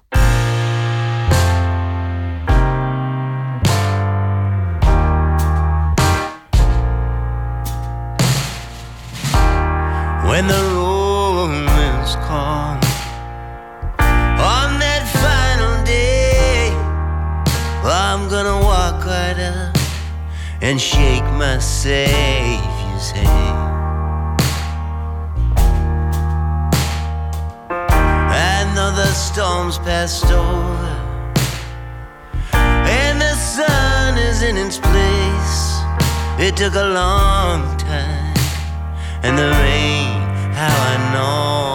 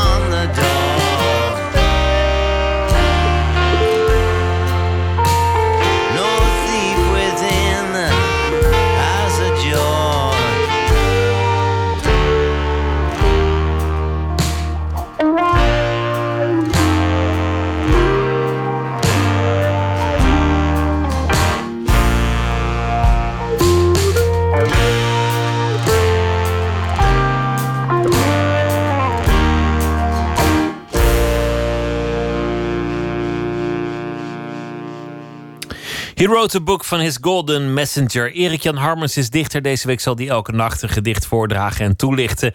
Deze heet Geweigerde Gospel.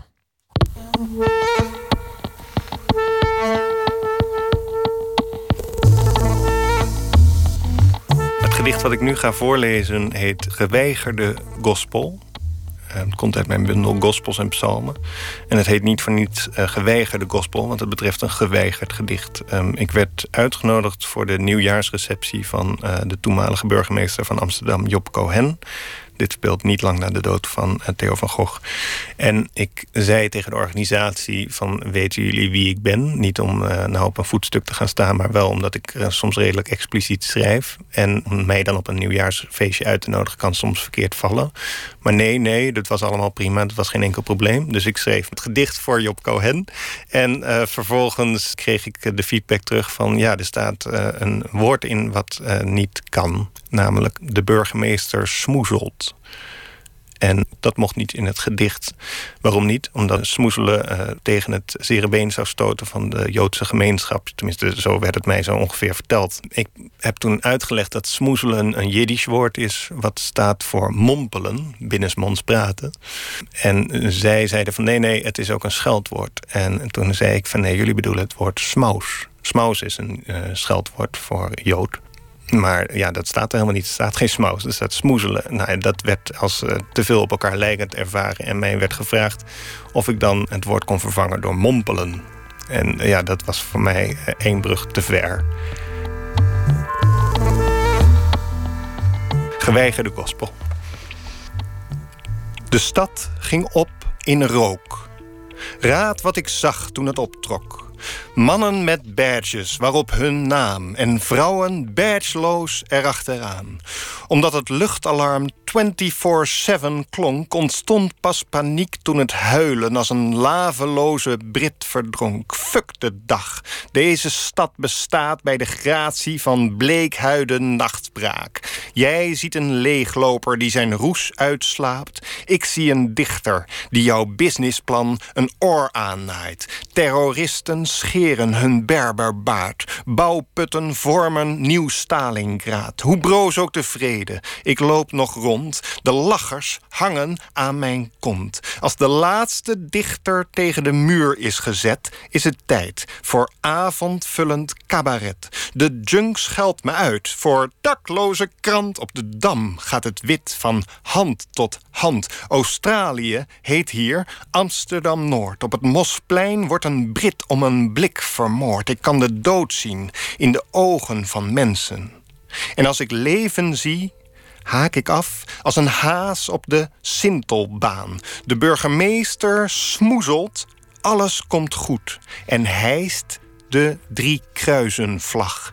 Hij schrijft een prent voor een wildplas. Macht is het saldo op je pinpas. Amsterdam-Zuid snoest, terwijl Noord oud casino vreet van bakker Bart. De dam zakt in. Het rokin verdwijnt. Op CS geen trein. Een krater op het museumplein. Helder als een mes in een hart. En kat. Dit is mijn stad. Erik-Jan Harmens met het gedicht Geweigerde Gospel. Morgen komt de schrijver en historicus Ewout Kieft op bezoek... om eh, te praten over zijn nieuwste boek. Het Verboden Boek. Dat gaat over Mein Kampf en het nazisme. Dat allemaal morgen. Nu een hele goede nacht.